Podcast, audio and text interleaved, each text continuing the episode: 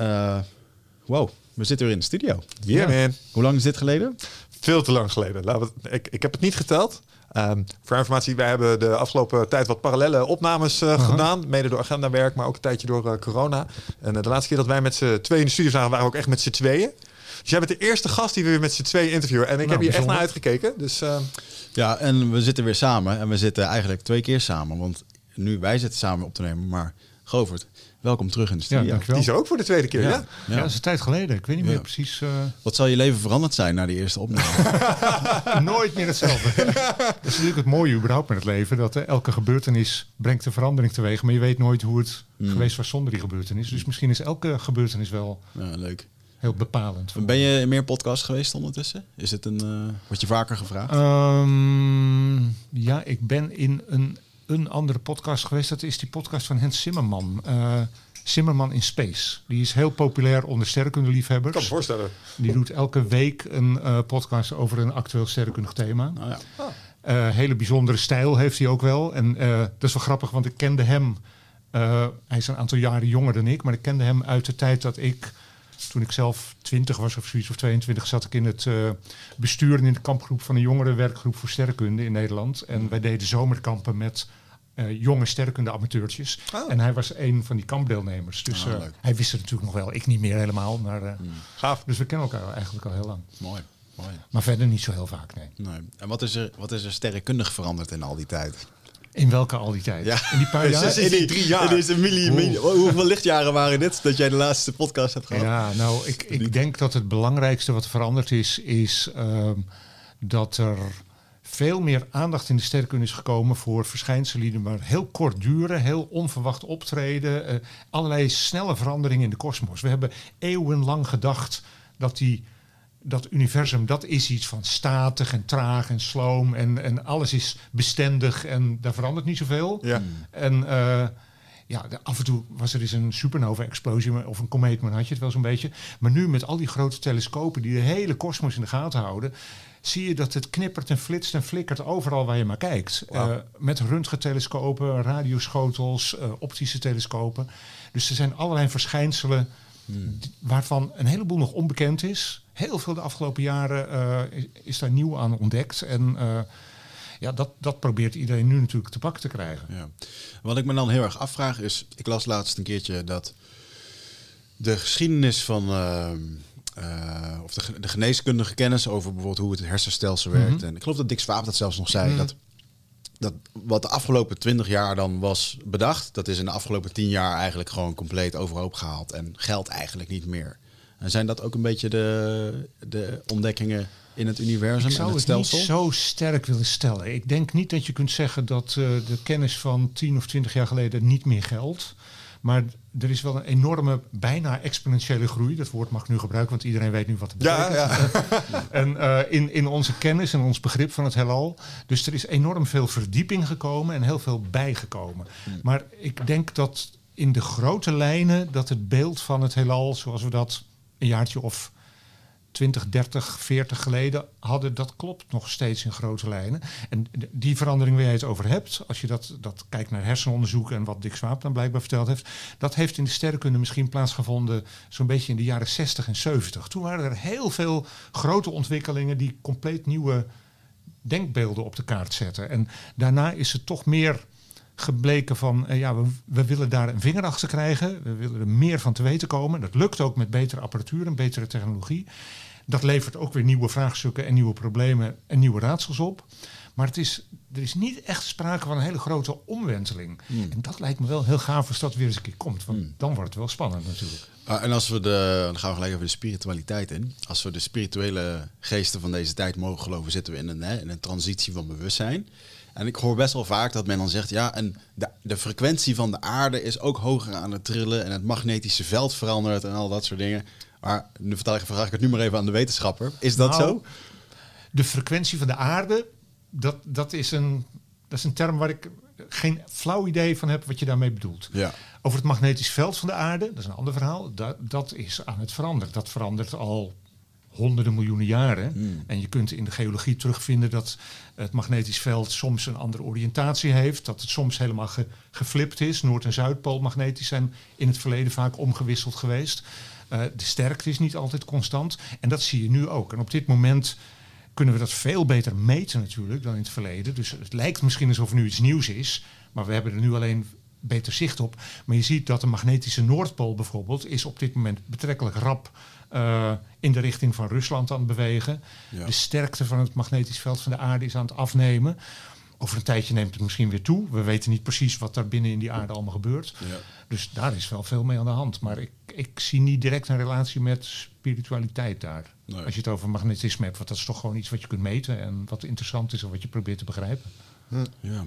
Wat zijn eh, consequenties? Want ik heb eh, wel eens op het internet gelezen over het switchen van het magnetisch veld. Stel dat ding eh, dat switcht. Ehm, hoe snel duurt zo? eh, hoe snel gaat dat? Kan dat binnen een dag zijn? Duurt dat jaren? En wat merk je als bewoner van een planeet op het moment dat zoiets gebeurt? Ja. Nou, die magnetische eh, ompoling, zoals dat dan heet, een magnetic flip, die switch, eh, dat is dus in het verleden vaak gebeurd. Dat kun je zien in de geologie, maar je kunt daar niet makkelijk in traceren hoe snel dat is gegaan. Oké. Betrek, geologisch gezien heel snel, maar eh, dan, een geoloog vindt honderdduizend jaar Ik net snel. zeggen, dan kan het nog eh, heel lang duren. dus het idee is dat dat toch een proces is wat op zijn minst vele duizenden jaren in beslag zou nemen. Mhm. Maar dat weet eigenlijk niemand zeker. Wat wel bekend is, is als er zo'n ompoling plaatsvindt, komt het door bewegingen van gesmolten metalen in de kern van de aarde. Mhm. Ja, dat is, gaat natuurlijk om enorme massa's. Er- de- dat, dat kan bijna niet in één dag zich helemaal in een nieuwe configuratie. eh, Nee. Maar het betekent wel dat er daartussendoor een hele rommelige periode is... waarin dat magnetisch veld misschien niet echt een richting heeft... of heel zwak is. Of, eh, dus ik denk dat als dat zou gaan gebeuren... en er zijn geen concrete aanwijzingen dat dat op het punt staat te gebeuren... maar je weet het niet. Als het zou gaan gebeuren, dan gaan we een periode toe van... zeker eeuwen en misschien wel een paar duizend jaar... waarin de aarde niet echt een sterk magneetveld heeft... Ja. Vroeger zou dat een probleem zijn geweest voor de scheepvaart. Nu Ja. hebben we GPS, dus maakt niet zoveel meer Ja, uit. Dus, dus je merkt er niet zoveel van. Maar er is wel een gevolg op de lange termijn. Want het magnetisch veld van de aarde beschermt ons wel tegen energierijke deeltjes uit de kosmos. Die worden beter tegengehouden door het magneetveld. Als het magneetveld niet is, komt die kosmische straling... die komt ongefilterd en ongehinderd in de dampkring op aarde terecht. En dat zou ertoe kunnen leiden dat er hier een grotere stralingsachtergrond is. Dus op termijn zou het kunnen betekenen dat wat je nu hebt als je de hele tijd in een hoogvliegend vliegtuig vliegt, heb je meer kans op huidkanker of Ja. andere soorten van kanker. Want je zit, je hebt de eh, bescherming van de dampkring niet meer, die beschermt ons ook. Eh, dat dat effect wat stewardessen en piloten hebben, dat geldt dan misschien voor de hele wereldbevolking. Dus dat, Ja, dat zou wel een gevolg kunnen hebben. Ja, dus dat zou betekenen dat je misschien eh, met betere UV-bescherming eh, naar buiten zou moeten. Of is dit niet nee, iets wat daar beschermt het Je- niet nee, tegen? Je kan, er- je kan er eigenlijk niet tegen beschermen. Ja, binnen blijven en onder een. Binnen een lode constructie. Ja, Ja. precies. Ja. Oké, helder. Ehm, en dit magnetisch veld is ook betrokken toch bij de bescherming tegen bijvoorbeeld solar flares en dat soort dingen. Daar heeft het Ja, is precies hetzelfde. Die, die zonnevlammen, dat zijn ook elektrisch geladen deeltjes. En die komen dan niet uit de diepe kosmos, maar die komen van de zon. En Mhm. die worden ook door het magnetisch veld van de aarde eh, afgebogen en afgeschermd. En eh, ja, soms dringen ze daar gewoon in door. Ja. En eh, dat soort zonsuitbarstingen komt ook af en toe voor. Die kunnen ook gevolgen hebben op aarde. Maar ja, als de aarde geen magneetveld heeft, zijn ook zwakkere uitbarstingen op de zon hebben dan schadelijke gevolgen. Ja, en ik begreep dat de, de consequentie voor ons als eh, beschaving dan met name de, de impact die het heeft op technologie. Ja, joh, heel erg. Want, want we zijn enorm afhankelijk van elektronica en van, eh, van eh, datatransmissie en van eh, radioverbindingen. En al die dingen worden verstoord door zonsuitbarstingen. Ja. Dus er zijn al satellieten eh, onklaar geraakt. Gebeurt niet zo vaak, maar dat kan af en toe. kan, ja. Omdat zo'n deeltje van zo'n zonuitbarsting... die verandert één bitje in een chip van, een, van, van de elektronica. Ja. Ja, je kan er niet meer bij om het even te repareren. En op aarde heeft het tot gevolg gehad dat er, eh, dat er, ja, er ontstaan door die deeltjes in de dampkring ontstaan er zogeheten inductiestromen op aarde, in pijpleidingen, in kabels. Kan kortsluiting ontstaan, elektriciteitscentrales die uitvallen, is allemaal gebeurd. Gaat ook vast wel weer eens een keer gebeuren. En dat, Ja. dat is onzichtbare trilling, als het ware. Het is geen trilling. Het zijn eh, elektrisch geladen deeltjes, die, eh, dus elektronen, atoomkernen, Ja. die worden door de zon naar buiten geblazen. En omdat ze een elektrische lading hebben, worden ze ook beïnvloed door het aardse magneetveld en komen ze langs de magnetische veldlijnen de dampkring in. Oké, en wij En- kunnen dan gewoon buiten rondlopen en dan gaan ze langs ons heen, daar merken wij niks Ze van. zijn er nu ook, Ja. maar niet zoveel en ze zijn niet zo schadelijk. Maar een kabel onder de grond kan daarvan in de war raken. Eh, ja, dat ergens. klinkt raar, hè? maar dat, dat komt omdat er, als er een heleboel van die deeltjes ehm, in dezelfde richting, door die magnetische veldlijnen, in dezelfde richting door de dampkring bewegen.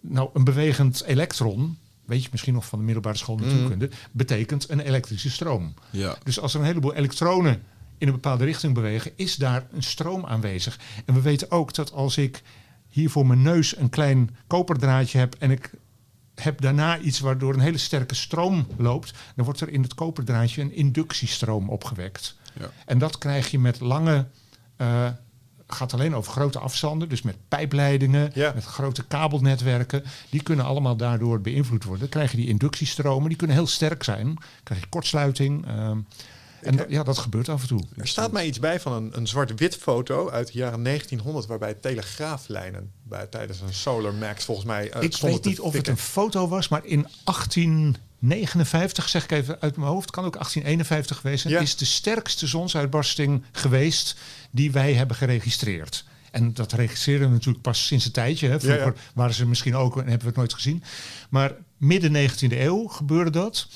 Hele krachtige uitbarsting op de zon. En het hele telegraafverkeer in Europa en in de Verenigde Staten lag compleet plat. Ja. Dus er is kortsluiting geweest in telegraafhokjes. Er zijn mensen die zijn bijna geëlektrocuteerd door de stromen. Eh, er was poollicht zichtbaar. Dat ontstaat door die geladen deeltjes. Ja, ja. Poollicht. Normaal alleen in de buurt van de magnetische polen. Maar tot in de tropen. Dus dat was een hele grote uitbarsting. En ja, het is niet om iemand bang te maken. Maar een paar jaar geleden heeft het Engelse weekblad New Scientist is, is bij allerlei deskundigen gaan navragen. Stel nou, we weten aardig wat van die uitbarsting van toen. Stel nou dat die uitbarsting van midden 19e eeuw, dat die nu zou plaatsvinden. Wat dan? Nou, dat verhaal wil je liever niet lezen. Fuck beyond belief, denk ik. Ja, dat is gewoon eh, rampenfilm 2.0. Ja. En met, met gevolgen veel groter natuurlijk. Omdat, ja, moet je nagaan dat het hele stroomnet uitvalt. Ja. Want dat kan dan, hè? Ja. En dan, ehm, dan denk je, ja, oké, eh, dan steek je een kaars aan of zo. Maar na een tijdje heb je weer, toch weer brandstof nodig. Dus je moet gaan tanken. Eh, ja, na een tijdje zijn alle tankstations eh, leeg. Die hebben misschien wel een generator, maar er moet vrachtverkeer komen om dat weer aan te vullen. Hey, de hele maatschappij dondert in Dat is in elkaar. Texas Dat- gebeurd, toch? Afgelopen jaar? Sneeuwstormen. Ja, dat stroomnet eh, eh brownouts dat ze hadden omdat er te veel vraag een belasting op het stroomnet was. Ja, nee, duidelijk verhaal. En, ehm, eh, ik heb een overstroming meegemaakt eh, twee jaar geleden in het zuiden des lands. Eh, hadden we rolgordijnen voor het huis. Ja. Maar dat was kortsluiting. Ja, ja. Dan willen die rolgordijnen niet omhoog. Stel je voor, de breekt brand uit in je huis. Ben, je- ben je weg. Ehm, en, dit vind ik nog de engste. Ehm, en ik weet niet of je dit weet, maar wisten jullie dat? Eh, alle eh, software die eh, zeg maar het monetaire systeem runt, ja, dus alle, al die transacties Mhm. en dat soort dingen, dat er in de diepste krochten van die architectuur, dat dat nog draait op oude Linux-systemen met shell Ja, ja. scripts. Hmm. Dat, dat is architectuur die denk ik ook niet altijd bestand is tegen een, een Ja. search zoals jij omschrijft. En, en ik, wat ik denk nog het engste zou vinden is dat zo'n piek, ehm, het sloopt niet alleen je lijnen, maar het wist misschien ook informatie uit. Dus Ja, moet je je voorstellen dat die ja. harddisk waar jouw saldo op Ja. staat, dat die gewoon weg is. Ja. Snap je? Dan, dan heb je opeens niks meer. Dan, dan is niks, alles is, dat kan heel bevrijdend zijn misschien voor sommige mensen, maar Ja. ik denk dat er ook wel wat chaos uh, Maar ik denk er wel eens over na dat als zoiets zou gebeuren. Want als ik zie wat de ontwikkeling is van de wereld, is dat we alles wordt technologischer. Ja. eh, alles wordt strikter, alles wordt. En dat is een natuurlijk verschijnsel. En, ik- en ik zie dat ook. Dat is gewoon de ontwikkeling daarvan. Ik denk, soms dan fantaseer ik wel eens over een punt. Dan, dan zie ik een beetje zo'n toekomst waarbij alles helemaal digitaal is. Ja. En Waar we eigenlijk een beetje afhankelijk worden. Dus, hè, Maar zijn we nu al Zijn we nu al eigenlijk Ja. inderdaad. Maar dan nog een tandje erger. En op een gegeven moment dan komt er toch een keertje zo'n zonnestraal. En dan in één keer gaat dat uit. En dan ontdekken we in één keer weer wat het is om mens te zijn. Weet je Ik hoop Dat je het. gewoon- dat- Ja. ja. dat lijkt me echt heel dat, je bevrijdend. de, dat je nog de mogelijkheid hebt om die ontdekking nog te doen. Nee, Ja. ik hoop het echt Maar, niet. eh, maar het, is, het is wel waar. En eh, ja, we zijn natuurlijk enorm afhankelijk van tech- technologie. En dat maakt ons vreselijk kwetsbaar.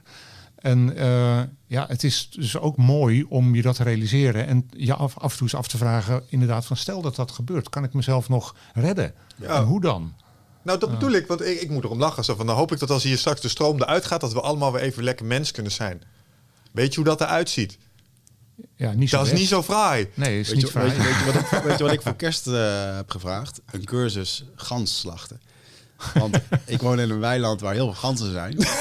En, eh, ik dacht van ja, ik kan gewoon, ik kan gewoon niet mijn eigen eten charteren als het moet. Oh Ja. man. Dus ik, eh ik ga Prepper. binnenkort... eh, Je gaat de volgende stap in je prepper carrière ik, ga, maken. ik, ga, ja, Ja. ik ga leren hoe ik een gans moet eh, slachten. Sowieso Ja. vind ik het tof, want ik vind het eh voorkomen. Ik, ik zou zelf ook wel eens een keer zoiets willen doen, want ik heb zelf nog nooit eh, voor mijn vlees eh, iets dergelijks gedaan. Dus dat alleen al eh, geeft je een sense of realism eh, over Ja. waar je voedsel vandaan komt. Dus dat Ja. vind ik er heel goed aan.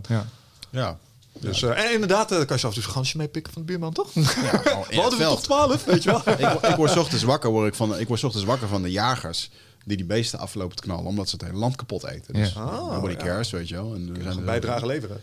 Ja. ja, die veren kan ik weer een tooi van maken, weet je. Oh. Nee, maar, ja, ja, ja, ja. Nee, maar, maar alle gekheid, eh, waar was het ook alweer? Ik geloof New Orleans, waar we toen eh, zo'n eh, ontzettende orkaan hebben gehad. En toen werden mensen even zonder stroom aan hun lot overgelaten. Ja, worden meteen beesten, hè? Dat is het. Dat is het. Dus, dus Het ik, ik zou liever zien dat we dat geleidelijk aan afbouwen, omdat we zelfbewust zijn geworden van het idee dat het niet zo goed plan is om je zo te verweven met technologie. Ehm, maar ik merk die hang naar meer eenvoud, merk ik bij mezelf ook wel. Terwijl ik echt een techno-optimist ben en eigenlijk ook vroeger wel transhumanistische gedachten had. Zo van, ja, als je toch een Ja. chip zou kunnen nemen, zoals de Ja, ja. Neuralink van Elon, waarom niet man? Google in je hoofd. ja, ja, ja. Naarmate ik ouder word, begin ik daar wel eh, conservatiever in te worden, Aha. merken. Want ik denk niet dat het gezond is voor je. Ja. Snap je? Het- Het zal wel voordelen hebben, maar ik denk niet dat het... eh, Ja. voor je mentale welzijn. Ik weet niet of, of je gelukspunten ervan omhoog gaan als je zoiets doet. ja. Dus dat is interessant. Hey, ehm, wat- nog één vraag eh, trouwens over dat eh, magnetisch veld. En dan laten we dan eh, fijn doorgaan ook naar jouw, eh, eh, naar jouw nieuwe boek, Olifant eh, in het Universum. Ehm, nog even over dat eh, magnetische veld en solar maxes in relatie tot temperatuur. Ehm, want ehm, climate change is een ding. Mhm. Ik zie een boel, eh, ook daar, net zoals met de COVID, zie je daar een boel verschillende meningen ineens Ja. eh, over naar boven komen. En een van de meningen die ik ook nog wel eens zie terugkomen, dat is niet zozeer climate change denial, maar eh, dan wel de oorzaak elders neerleggen en dan vaak richting de zon, het Mhm. Ja. magnetisch veld en solar maxes, omdat daar ook een stijgende lijn in lijkt te zitten die de temperatuurstijging van de aarde zou kunnen verklaren, potentieel. En misschien nog wel sterker als CO2-uitstoot.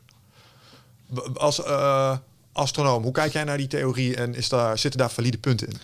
Nou, om te beginnen, even voor alle duidelijkheid. Ik ben zelf geen astronoom-onderzoeker. Dus ik sta een beetje ook aan de zijlijn. En ik weet wat er in de sterrenkunde daarover wordt onderzocht en bedacht. Maar, eh, dus ik praat niet vanuit eh, eigen eh, kundigheid. Oké, helder. Ja. Ehm, maar het is wel zo dat als je nou kijkt naar 20, 30 jaar geleden, was er vooral onder de sterrenkundigen was er heel erg dat idee, jongens, met die klimaatverandering. Sowieso net als de geologen zeggen, astronomen natuurlijk ook, de aarde, aardsklimaat is altijd al aan het veranderen Ja. geweest. Er bestaat niet een soort basisklimaat wat goed is. En dat is ook zo. Uh, maar er werd bij de sterrenkunde ook heel erg de nadruk op gelegd. Ja, maar we snappen niet eens hoe de zon werkt. En dat er een invloed moet zijn, dat is duidelijk. Ja. En uh, dus laten we uh, eerst eens kijken of het niet daardoor komt. En er is één beroemde Nederlandse sterrenkundige. Hij is afgelopen voorjaar op 100-jarige leeftijd overleden. Kees de Jager. Hele grote bekende zonnefysicus die ik al mijn, bijna mijn hele leven redelijk goed ken. Mm -hmm. En die was daar ook heel erg mee bezig. En die is daar heel erg ingedoken. En die heeft toch uh, uiteindelijk, ook al op hoge leeftijd, heeft, heeft hij gezegd: ja, um, het klopt niet. Het is, gaat nu veel te hard. Het kan niet door de zon komen. Oké, okay, duidelijk. En eigenlijk is binnen de wetenschap is het nu wel zo dat. Uh, we weten nog steeds niet hoe precies die invloed van de zon is. We kunnen dus de gedrag van de zon niet goed voorspellen. Die, die activiteit van de zon die is niet de hele tijd constant. Er is een bepaalde invloed, maar dat, is, dat valt in het echt wel in het niet bij de enorme toename in de Onvoldoende om te verklaren wat we zien. Oké, okay, dat is dan een duidelijk En het enge daarvan is dat als je nu, dat als de zon daar ook een rol in zou spelen, of eventueel uh, de zon zou eventueel misschien ook zelfs voor een afkoeling kunnen zorgen of zo, dat je niet goed in de peiling hebt wat de menselijke invloed is. Wat nou je, wat doet, je, ja. je zou het ook goed, uh, verkeerd kunnen beoordelen. Ik dus dat is heel moeilijk om dat goed... Uh, ja, in dat kader zag ik laatst ergens een oplossing voorbij komen voor climate change. Small nuclear war zou een Aha. goede oplossing zijn, want nucleaire winter. Dus uh, Ja. dan heb je wat meer materie Ja, in de atmosfeer Ah, en dan blokkeren we de zonnestralen, zeg maar. Uh, Ja, aan de andere kant, uh, het is wel zo dat op termijn gaat de zon uh, doet ons allemaal de das om. Al sinds die is ontstaan, is de zon in de loop van de miljarden jaren langzaam, langzaam maar zeker heter en helderder en krachtiger geworden, zoals alle sterren dat doen. En dat gaat de komende honderden miljoenen jaren ook door. Ja. En je kunt heel simpel uitrekenen dat over een pak een beetje zo'n 800 miljoen jaar uh, begint de aarde droog te koken.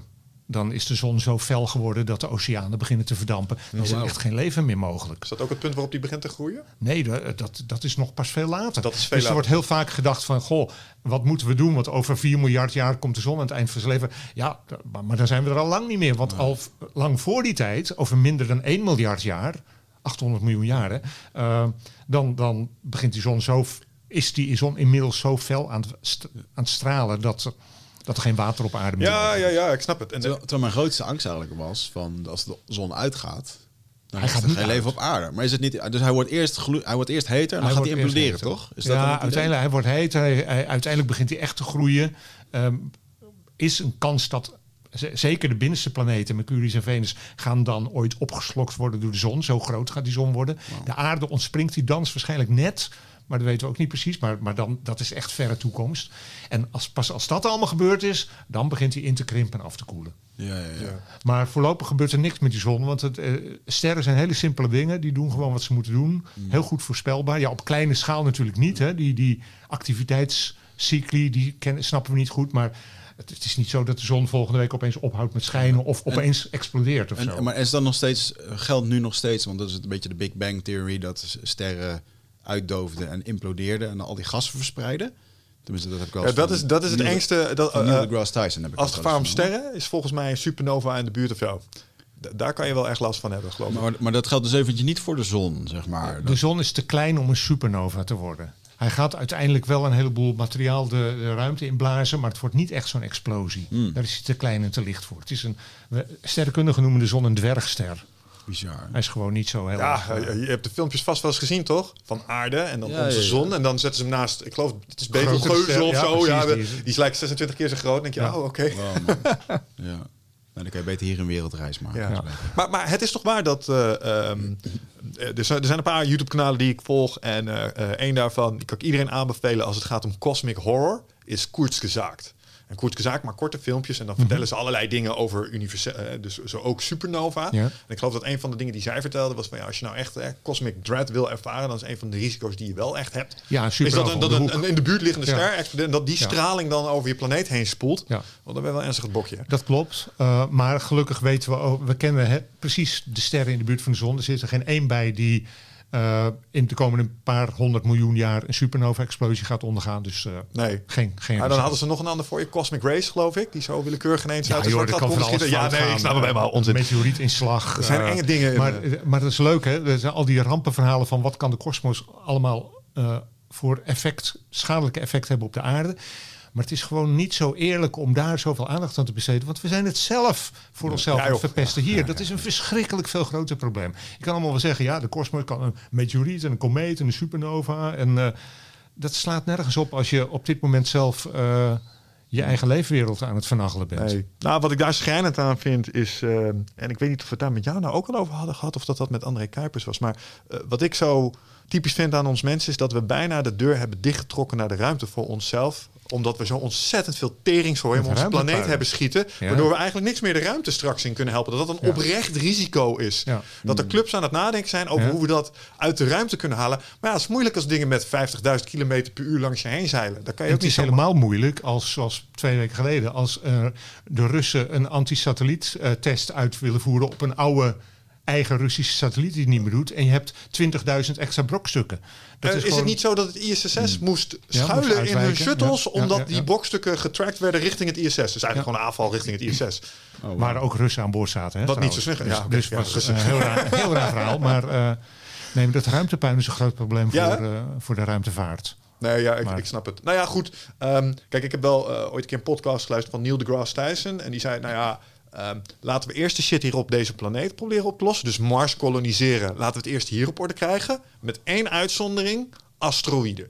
Dus laten we wel iets van resources investeren om te onderzoeken Aha. hoe we potentiële ruimteobjecten kunnen laten een graad laten afwijken. Ah, op om, hun, om hun ja. koers ja. te laten veranderen als ze richting aarde komen. Gebeurt ook. Hè? Er is uh, kort geleden ja. een uh, Amerikaanse satelliet gelanceerd. Die gaat uittesten wat het effect is als je met een harde knal op zo'n klein ro kosmisch rotsblok knalt, hoe ver kun je die uit zijn koers uh, Ja. bewegen? En misschien zullen we dat in de toekomst een keer nodig hebben. En als je die technologie dan hebt, ben je verschrikkelijk blij. Als je hem niet hebt, dan baal je heel erg dat je daar niet in hebt geïnvesteerd. Ja. Dus het is heel verstandig om dat te doen. Ik moet meteen nu denken, wat we hadden het net over eh, eh, je eigen leefwereld verpesten. Dus ik- toen, toen dit in het nieuws was, waren er ook een heleboel mensen, ook op Twitter eh, bij mij, die begonnen van, oh, maar dit vind ik een heel enge ontwikkeling, want we zijn het evenwicht van de kosmos aan het verstoren als we zo'n brokstuk een zetje geven. En dat vind ik, dat wauw. is echt een, nee, maar, maar dat is echt een onzinnige redenatie. Want ik heb ik vaak geprobeerd uit te leggen, dat is echt hetzelfde als dat je een bergwandeling maakt je trapt tegen een kiezelsteentje. Ja. Dan eh, verander je ook de geologie van de aarde niet mee. Nee. Als dat je zorg is, moet je jezelf nu van kant maken, want dan is alles wat je doet eh, verstoort de balans Ja. van de kosmos. Dus, Dus eh, ik vind het een, een, een boeiend, eh, eh, boeiend onderwerp. Het is goed dat het gebeurt. En eh, ja, je hoopt niet dat het nodig is. Voorlopig ziet het er niet naar uit. Maar het zou in de toekomst kunnen dat we toch een keer zo'n ding ontdekken wat op Europa afstevend. En dan ben je heel erg blij dat je hem eh tikje uit koers ja, kan. ik geloof dat ze ook naar lasers kijken, ook al om iets soortgelijks te doen. Want lasers kunnen ook een bepaalde massa Ja. genereren. Dus door een laser op te richten kun je hem ook ja. Dus nee, ik snap het. En we hebben Bruce Willis. Ja, Precies, gelukkig. ja hij staat weer op uh, Armageddon, op Netflix. mee. Deep Impact was weer te kijken. Ja, het is wel echt een van mijn nachtmerrie scenario's trouwens. Dat zo'n stuk. Ik, ik heb dat oprecht eens een keer zitten googlen. Wat het risico is hier in, Euro in Nederland als er in de Atlantische Oceaan Ja, een ja. asteroïde zou inslaan. Nee, valt mee. Nederland valt mee. Daar is echt onderzoek Oh. naar gedaan. Uh, Groot-Brittannië ligt ja, ertussen. precies, de Noordzee is niet Ah, ja. diep genoeg, Ja, zeg ja, maar. ja. Dus dat, dat loopt allemaal kapot op, uh, Qua uh, op vloedgolven Frankrijk. bedoel je, Ja, ja. qua vloedgolven. Dat vind ik het engste van de Ja. film Deep Impact. Dat je aan de horizon zo'n ding ziet aankomen. En dat je Ja. weet van ja, het is nu Ja. gewoon gedaan. Daar is de, heb ik een keer op Geo- National Geographic gezien dat de top 10 wereldrampen die zouden kunnen gebeuren, dat die vulkaan bij de Canarische eilanden, dat die, dat is een onderwatervulkaan, dat ja, als die explodeert, af. eh, dan schiet dat richting New York en dat gaat gewoon een paar dagen, bouwt dat op die vloedgolf en dan, dan vaagt dat heel Ja. New York weg. En dat staat echt in de top 10 met Yellowstone Park en een paar andere dingen. Ja. En wij zitten daar inderdaad net langs. Dus Ja. wij hebben mooie surfgolven. ja, mooi zo.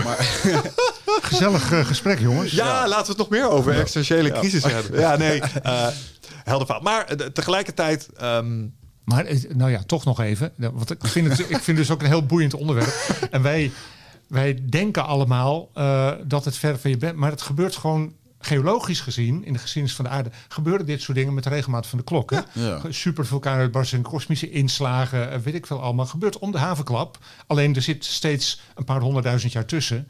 En wij zijn er maar heel even. Sinds, sinds een oogwenk is de mens geweest. Loep, zit om Ja. ons heen te kijken. En we denken, oh, niks aan de hand.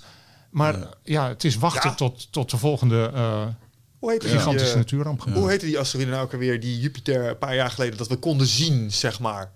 Nooit vergeten dat we foto's hebben Komeet gemaakt. Shoemaker-Levy 9. Dat je zulke explosies op fucking Jupiter Ja, zag. ja, en als je weet hoe groot Jupiter is, dat, eh, dat zijn explosies groter als de aarde. Nou, Ja. Goed vuurwerk. Door- ja, ja, dat zijn flinke strijkers, ja. dus, maar maar ja, je kan toch ook niet anders dat als je naar buiten kijkt, ehm, dat dat je ergens. eh, het, als ik nadenk over het universum, Mhm. enerzijds voel ik verwondering, maar aan de andere kant ook altijd iets onheimlichs. Omdat het me eh, herinnert aan hoe fucking klein Ja, maar niet waarom je je dat- eigenlijk bent. Je bent fucking klein en niet zeggend, maar waarom vind je dat een. een on- sorry, er zit een nies achter me. Waarom vind je dat een onaangenaam gevoel? Wat, wat is daar onheimisch aan? Het kan ook heel geruststellend werken. Dat heb ik altijd. Ik vind het een heel, Ja, een heel rustgevend gevoel. Het werkt geruststellend op het niveau van ik heb een fout gemaakt en dat vind ik vervelend. Op een kosmische schaal stelt dit echt helemaal niets Mhm. voor. Ehm, maar wat het ook doet is, kijk, ik, ik vind het, eh, het perspectief van sterven niet zo heel erg eh, fijn vooruitzicht. En het herinnert mij op een of andere manier aan mijn eh, onoverkomelijke sterfelijkheid. Ja, Want alles zal ooit, en, en dat, dat is denk ik waar het me aan herinnert. Ja, en dat, dat- projecteer ik er misschien op, want het is een wel, maar- oneindige zwarte leegte, snap je? Maar tegelijkertijd denk ik van er zijn heel veel mensen die kunnen het bijna niet aan dat er misschien ooit een supernova-explosie of misschien ooit een kosmische inslag. Dat vinden ze verschrikkelijk onheimisch en bedreigend. Oh, zo, help, ja. help, help de mensheid. En dan denk ik, nou, maar je weet toch al vanaf het moment dat je tien bent dat je. eh, als je eenmaal honderd bent, dat je, Ja, dat nee. je leven afloopt. En Sure. Dat vinden we natuurlijk geen van allen leuk. Dat is het. Maar we, we weten het allemaal, we accepteren het, we zien het bij uh, geliefden om ons heen gebeuren. En daar liggen we ook niet wakker van. Waarom dan wakker liggen van iets wat er met de mensheid op termijn kan gaan gebeuren? Of, of wat er me. Weet ik niet. Ik denk omdat ik het zonde zou vinden dat het stopt, misschien. Ja, maar het stopt natuurlijk ook niet. Nou, ja, nou ja, het stopt natuurlijk entropie hit de ja. dood van het universum. Nee, Eh, laten we die ja. bewaren voor het laatst. Maar Ja, het stopt wel. Ja, is dat zonde? Ja. Ja, het is zonde. nou ja, Aan de we- andere kant, er is dan ook iets heel moois geweest. dat is waar. En ik heb eh, ooit een heel geruststellend verhaal van Isaac Asimov eh, eh, gelezen. De, de laatste vraag. En eh, de, die biedt een uitweg voor entropie. Aha. Eh, en, dat vind ik, en die is technologisch van aard. Eh, maar dat vond ik een heel geruststellend idee Ja. ergens. Maar ik Een mooie titel, de laatste vraag. de laatste vraag. zou mooi mijn laatste boek kunnen zijn. Op Ja. zoek naar antwoorden. Dan- Nou, de, de, laatste De vraag, laatste vraag. De laatste vraag in dat, eh, eh, in dat verhaal is: kan entropie omgedraaid worden? Dat is de, dat is de echte laatste vraag. Ja, transhumanisme dan. Is dan het antwoord. In, in het, in het verhaal is het antwoord dat, eh, dat wat mensen zijn, vluchten naar een extra-dimensionele virtual reality werkelijkheid buiten de daadwerkelijke kosmos. Ja. Eh, en, en zetten een computer aan om de vraag te beantwoorden. En na miljarden jaren komt die computer, net zo'n beetje als in Hitchhiker's Guide to the Ja. Galaxy, met het antwoord. En het antwoord is: laat er licht zijn. En dan begint het hele verhaal opnieuw. Ja. En dan beginnen we weer bij de Big Bang. Dus eh, de, de eh, implied is dat de Big Bang is veroorzaakt door een dergelijke Ja, ja. computer die dat antwoord heeft bedacht. En dan is het dus weer cyclisch. Want dat vond ik altijd zo. Dat vond ik heel nuchterend van. eh, want eerder leerde ik over eh, de Big Bang. Hij expandeert. We vinden het cyclisch heelal heel fijn. Hè? Dat vinden we een fijn idee. Dat fijn, vind ik super op. geruststellend. Er een Precies. nieuwe, dat is goed. Maar dat- zon- dat was het wat Zonder cycli is er dan toch ook geen antropologie? En, zeg ik dat goed? Hoe bedoel je? De basis van antropologie is dan toch ook gewoon dat we een cycli en ritmes hebben. Wat bedoel je met antropologie dan? In dit, eh? Dat is toch het, het leven aan zich? Of heb ik een verkeerde nee, definitie? nee, Er zijn ah, natuurlijk heel veel levensvisies die, eh, die uitgaan van een soort cyclisch heelal. De. Grieken hadden dat, de Maya hadden dat. Ja. eh, Ja. Dus het is de, dat, dat idee wat, wat wij in onze christelijke traditie hebben van het is ooit een keer begonnen en daarna weten we niet hoe het verder gaat. Dat is, dat is betrekkelijk recent. I- Iedereen de- dacht vroeger altijd dat Albert Einstein dacht zelfs nog dat het eh, heelal altijd had bestaan. En, Ja. dus dat idee van eenmalig een begin en misschien ook ooit eenmalig een eind en dan is het afgelopen. Eh, ja, het is één visie. Maar Ja, ja, Ja. Het is een waarheid in de vele dimensies. En ik moet zeggen, als je dan een klein beetje met een schuin oog kijkt naar kwantummechanica en multiverses en zo, dan vind ik daar ook nog wel wat achterdeurtjes zitten die, die, die een soort gelijke geruststelling zouden kunnen geven. Maar voor mij als indi- individu is het natuurlijk ja, triviaal eigenlijk. Eh, eigenlijk doet het er niet toe. Ehm, maar laten we in dat opzicht, als het dan gaat over het universum en oneindig expanderend en misschien weer impanderend, laten we het eens gaan hebben over jouw nieuwe boek. Ehm, de olifant in het eh, universum. heb je het Ehm, gelezen? Ik heb het gelezen. Nou ja, eh, ik, Ja. Ik, ik heb er doorheen gewerkt. Ja. Eh, en het eerste compliment dat ik, eh, dat ik wil geven is dat het me echt ontzettend deed denken aan het boek Bill Bryce, A Short History of Nearly Everything. Mhm. En wat ik er zo gaaf van vind, is dat jij het wetenschappelijk proces van de individu Ja. en hoe ze op elkaars kennis hebben doorgestapeld, inzichtelijk maakt ja. in dat boek. Want dat vind ik zo tof aan wetenschap. Het staat allemaal op de schouders van elkaar. Ja. Het haakt in op elkaar. Er worden dingen terugontdekt, eh, maar dan later weer aan elkaar Aha. gerelateerd. En dan denken we dat was verkeerd, maar blijkt later toch waar te zijn. Ja, en dat hele proces leg jij echt fascinerend vast in het boek. Nou, mooi om te horen. Ik, eh, eh, het, is, ja, het is bijzonder om te ver- vergeleken te worden met Bill Bryson. Want ik denk dat dit boek ook wel een tikje pittiger is dan A Brief History of Everything. Sure. schreef. Dat is toch wel voor een echt heel breed publiek geschreven. Maar wat je zegt is natuurlijk helemaal waar. Eh, wetenschap is niet iets wat eh, een, een lineair proces is waar gewoon dit weten we vandaag, morgen weten we dat erbij, overmorgen dat en dat is het. Het is allemaal mensenwerk. Het is allemaal gebaseerd op hunches en ideeën eh, die weer gebaseerd zijn op eerdere ontdekkingen. Dus ieder, alles grijpt in elkaar. En het is meteen ook het risico. Want precies wat je zegt, eh, mensen baseren zich op ideeën van anderen. Ja, er is natuurlijk een soort, er zijn ook modegerillen in de wetenschap. En er zijn Ja. ook stromingen waar, waar iedereen dan mee wetenschappelijk wordt opgevoed, die onderwezen worden aan universiteiten en die hooggeplaatste wetenschappers doseren aan hun studenten. Dus iedereen zit dan in een bepaalde richting. En dan zie je dat als je terugkijkt op een paar eeuw wetenschappelijk onderzoek, dat de grote doorbraken, die zijn gemaakt door de dwarsdenkers en de eh, mensen die de kont tegen de krip gooien en zeiden, ja, het zal allemaal wel, maar volgens mij is het zo. En dan, dat blijkt af en toe ook te kloppen. Einstein was daar een heel mooi voorbeeld van. Ja. Ehm, en soms denk ik nu wel eens, we hadden het eerder over van eh, zijn er grote revoluties in de sterrenkunde geweest? Nou, zei ik, in de jaren 60 en 70 is er flink wat veranderd, maar daarna eigenlijk niet zoveel meer. Ik hoop erop. Maar wat je nodig hebt, is een soort nieuwe Einstein, die helemaal vrij, niet beïnvloed door de wetenschappelijke consensus, eh, met compleet nieuwe ideeën kan komen, waardoor iedereen zegt van, oh, maar wacht even, dan blijkt het heel anders te zijn. Dat, Ja. En ik weet niet of dat nog zo makkelijk gaat. Maar, eh, maar zijn die er? Want ik zie soms op eh, mijn Instagram, ik zag de laatste keer een ding voorbij komen met een jongetje van, ik geloof 14 uit India. Die werd op sommige stukken vergeleken met Einstein. Mhm. En die had echt wel een, ja, ik weet niet eens meer wat, maar die had een hele hoop vergelijkingen, waardoor dat echt al een toekomstig superbrein wordt. Zijn die er in jouw opzicht? Worden die... Ze zijn er natuurlijk altijd wel. Maar de vraag is, eh, het is best moeilijk, denk ik, als je zo in elkaar zit. Dat zijn ook over het algemeen niet per se de meest sociaal aangepaste lieden in onze Ja, wereld. Zeg maar autistisch. Eh, Oh, ja. het, het moet ook gevoed worden en je moet ook de ruimte krijgen om je ideeën de wereld in te helpen. En de, de wetenschappelijke samenleving moet ook openstaan om dat. Ja. Maar ze zijn er wel. Aan de andere kant, dat ga ik er meteen bij zeggen. Elke natuurkundige en elke sterrenkundige in Nederland, nee, in de hele wereld, en ook wetenschapsjournalisten zoals ik, iedereen krijgt gemiddeld misschien twee of drie mailtjes of pakketten in de post per week eh, van eh, hele enthousiaste amateurwetenschappers, vaak theorie. gepensioneerde ingenieurs, mensen die heel slim zijn en logisch kunnen nadenken, die tijd hebben en die denken, ja, volgens mij klopt dat niet helemaal. Hebben ze daar wel aan? En die, die krijgen allemaal het idee dat ze precies weten hoe het zit. Ja. En dat ze niet gehoord worden. Allemaal miskende genieën. En in ieder geval 99,9% van al die theorieën die, Ah. die slaan nergens op. Die, die- als ze de wereld echt zouden kennen, wat er echt bekend is, dan hadden ze al lang ontdekt dat dat niet kan, want dit weten we ook. Of dat kan niet, want zus en zo. En Ja. Dus je moet daar wel heel erg mee uitkijken. Je hebt echt die hele brede wetenschappelijke basis nodig. Die ik zelf ook niet heb. En daarom zei ik ook, ik ben zelf geen onderzoeker. Ik, ik zou me eh, nooit bedenken dat ik zelf zo'n theorie zou kunnen ontwikkelen. Die, je hebt echt die kennis nodig om dat goed te kunnen doen. Doet me denken aan, ehm, we hadden het hier voor de uitzending even over de psychedelische ervaring. Je hebt in Amerika heb je Terence McKenna, overleden ondertussen, maar dat was echt de pionier die ging als eerste met zijn rugzakje naar Colombia om daar paddenstoelen te drinken met, eh, met, met stammen. En hij heeft zijn, ik geloof dat hij bijna twintig jaar van zijn leven heeft gewijd aan een concept van tijd. Omdat hij dacht dat Ja. hij daar een soort van iets van had. En dat presenteerde hij. Maar omdat hij zo fantastisch kon vertellen. Echt, hij heeft urenlange lectures online.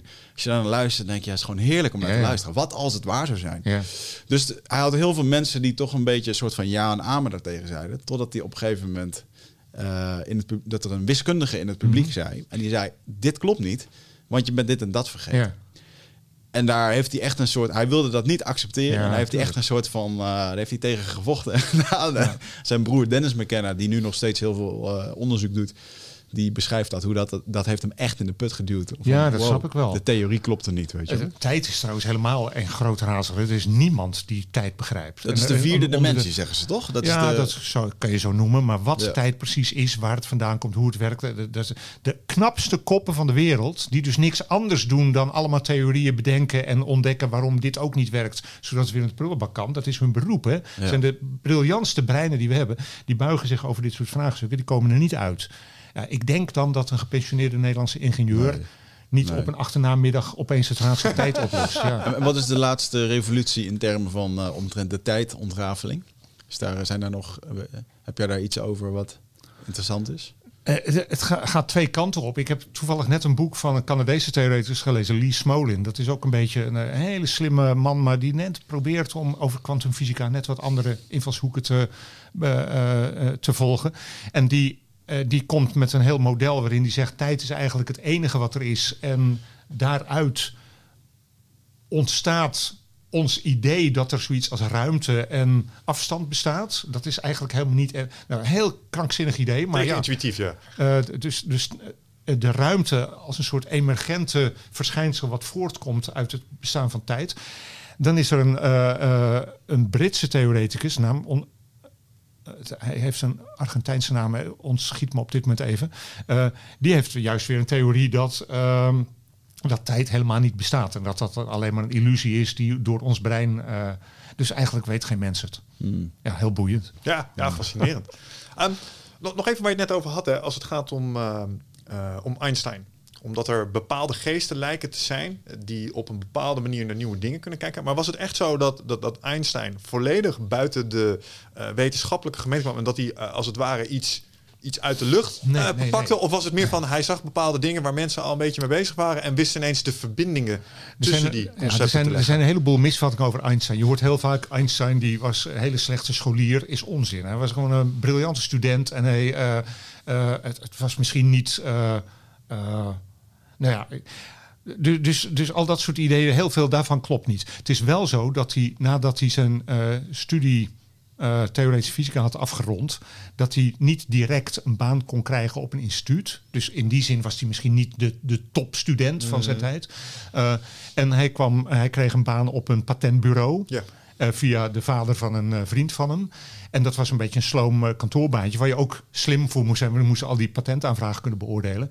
Maar in die tijd heeft hij zijn theorieën ontwikkeld. Dus, en dat scheelde misschien wel. Dat hij die theorieën ontwikkelde niet in een omgeving... waarin hij dagelijks direct commentaar kreeg van de academische wereld omheen. Ja. Maar redelijk geïsoleerd. Maar het is niet zo dat hij daar helemaal buiten stond. En hij eh, is altijd eh, onderdeel geweest van de eh, wetenschappelijke samenleving in Europa. En ik denk dat zijn briljante visie erin zat. Precies wat je zei, dat hij opeens dingen wist te combineren. En dat hij een heel erg visueel ingesteld persoon was. En heel erg met gedachte-experimenten bezig was. En heel erg doordacht van ja, maar als nou dit en stel nou dat. Dan betekent dat toch eigenlijk dat ze en zo. En als dat zo is, ja, een hele creatieve denker.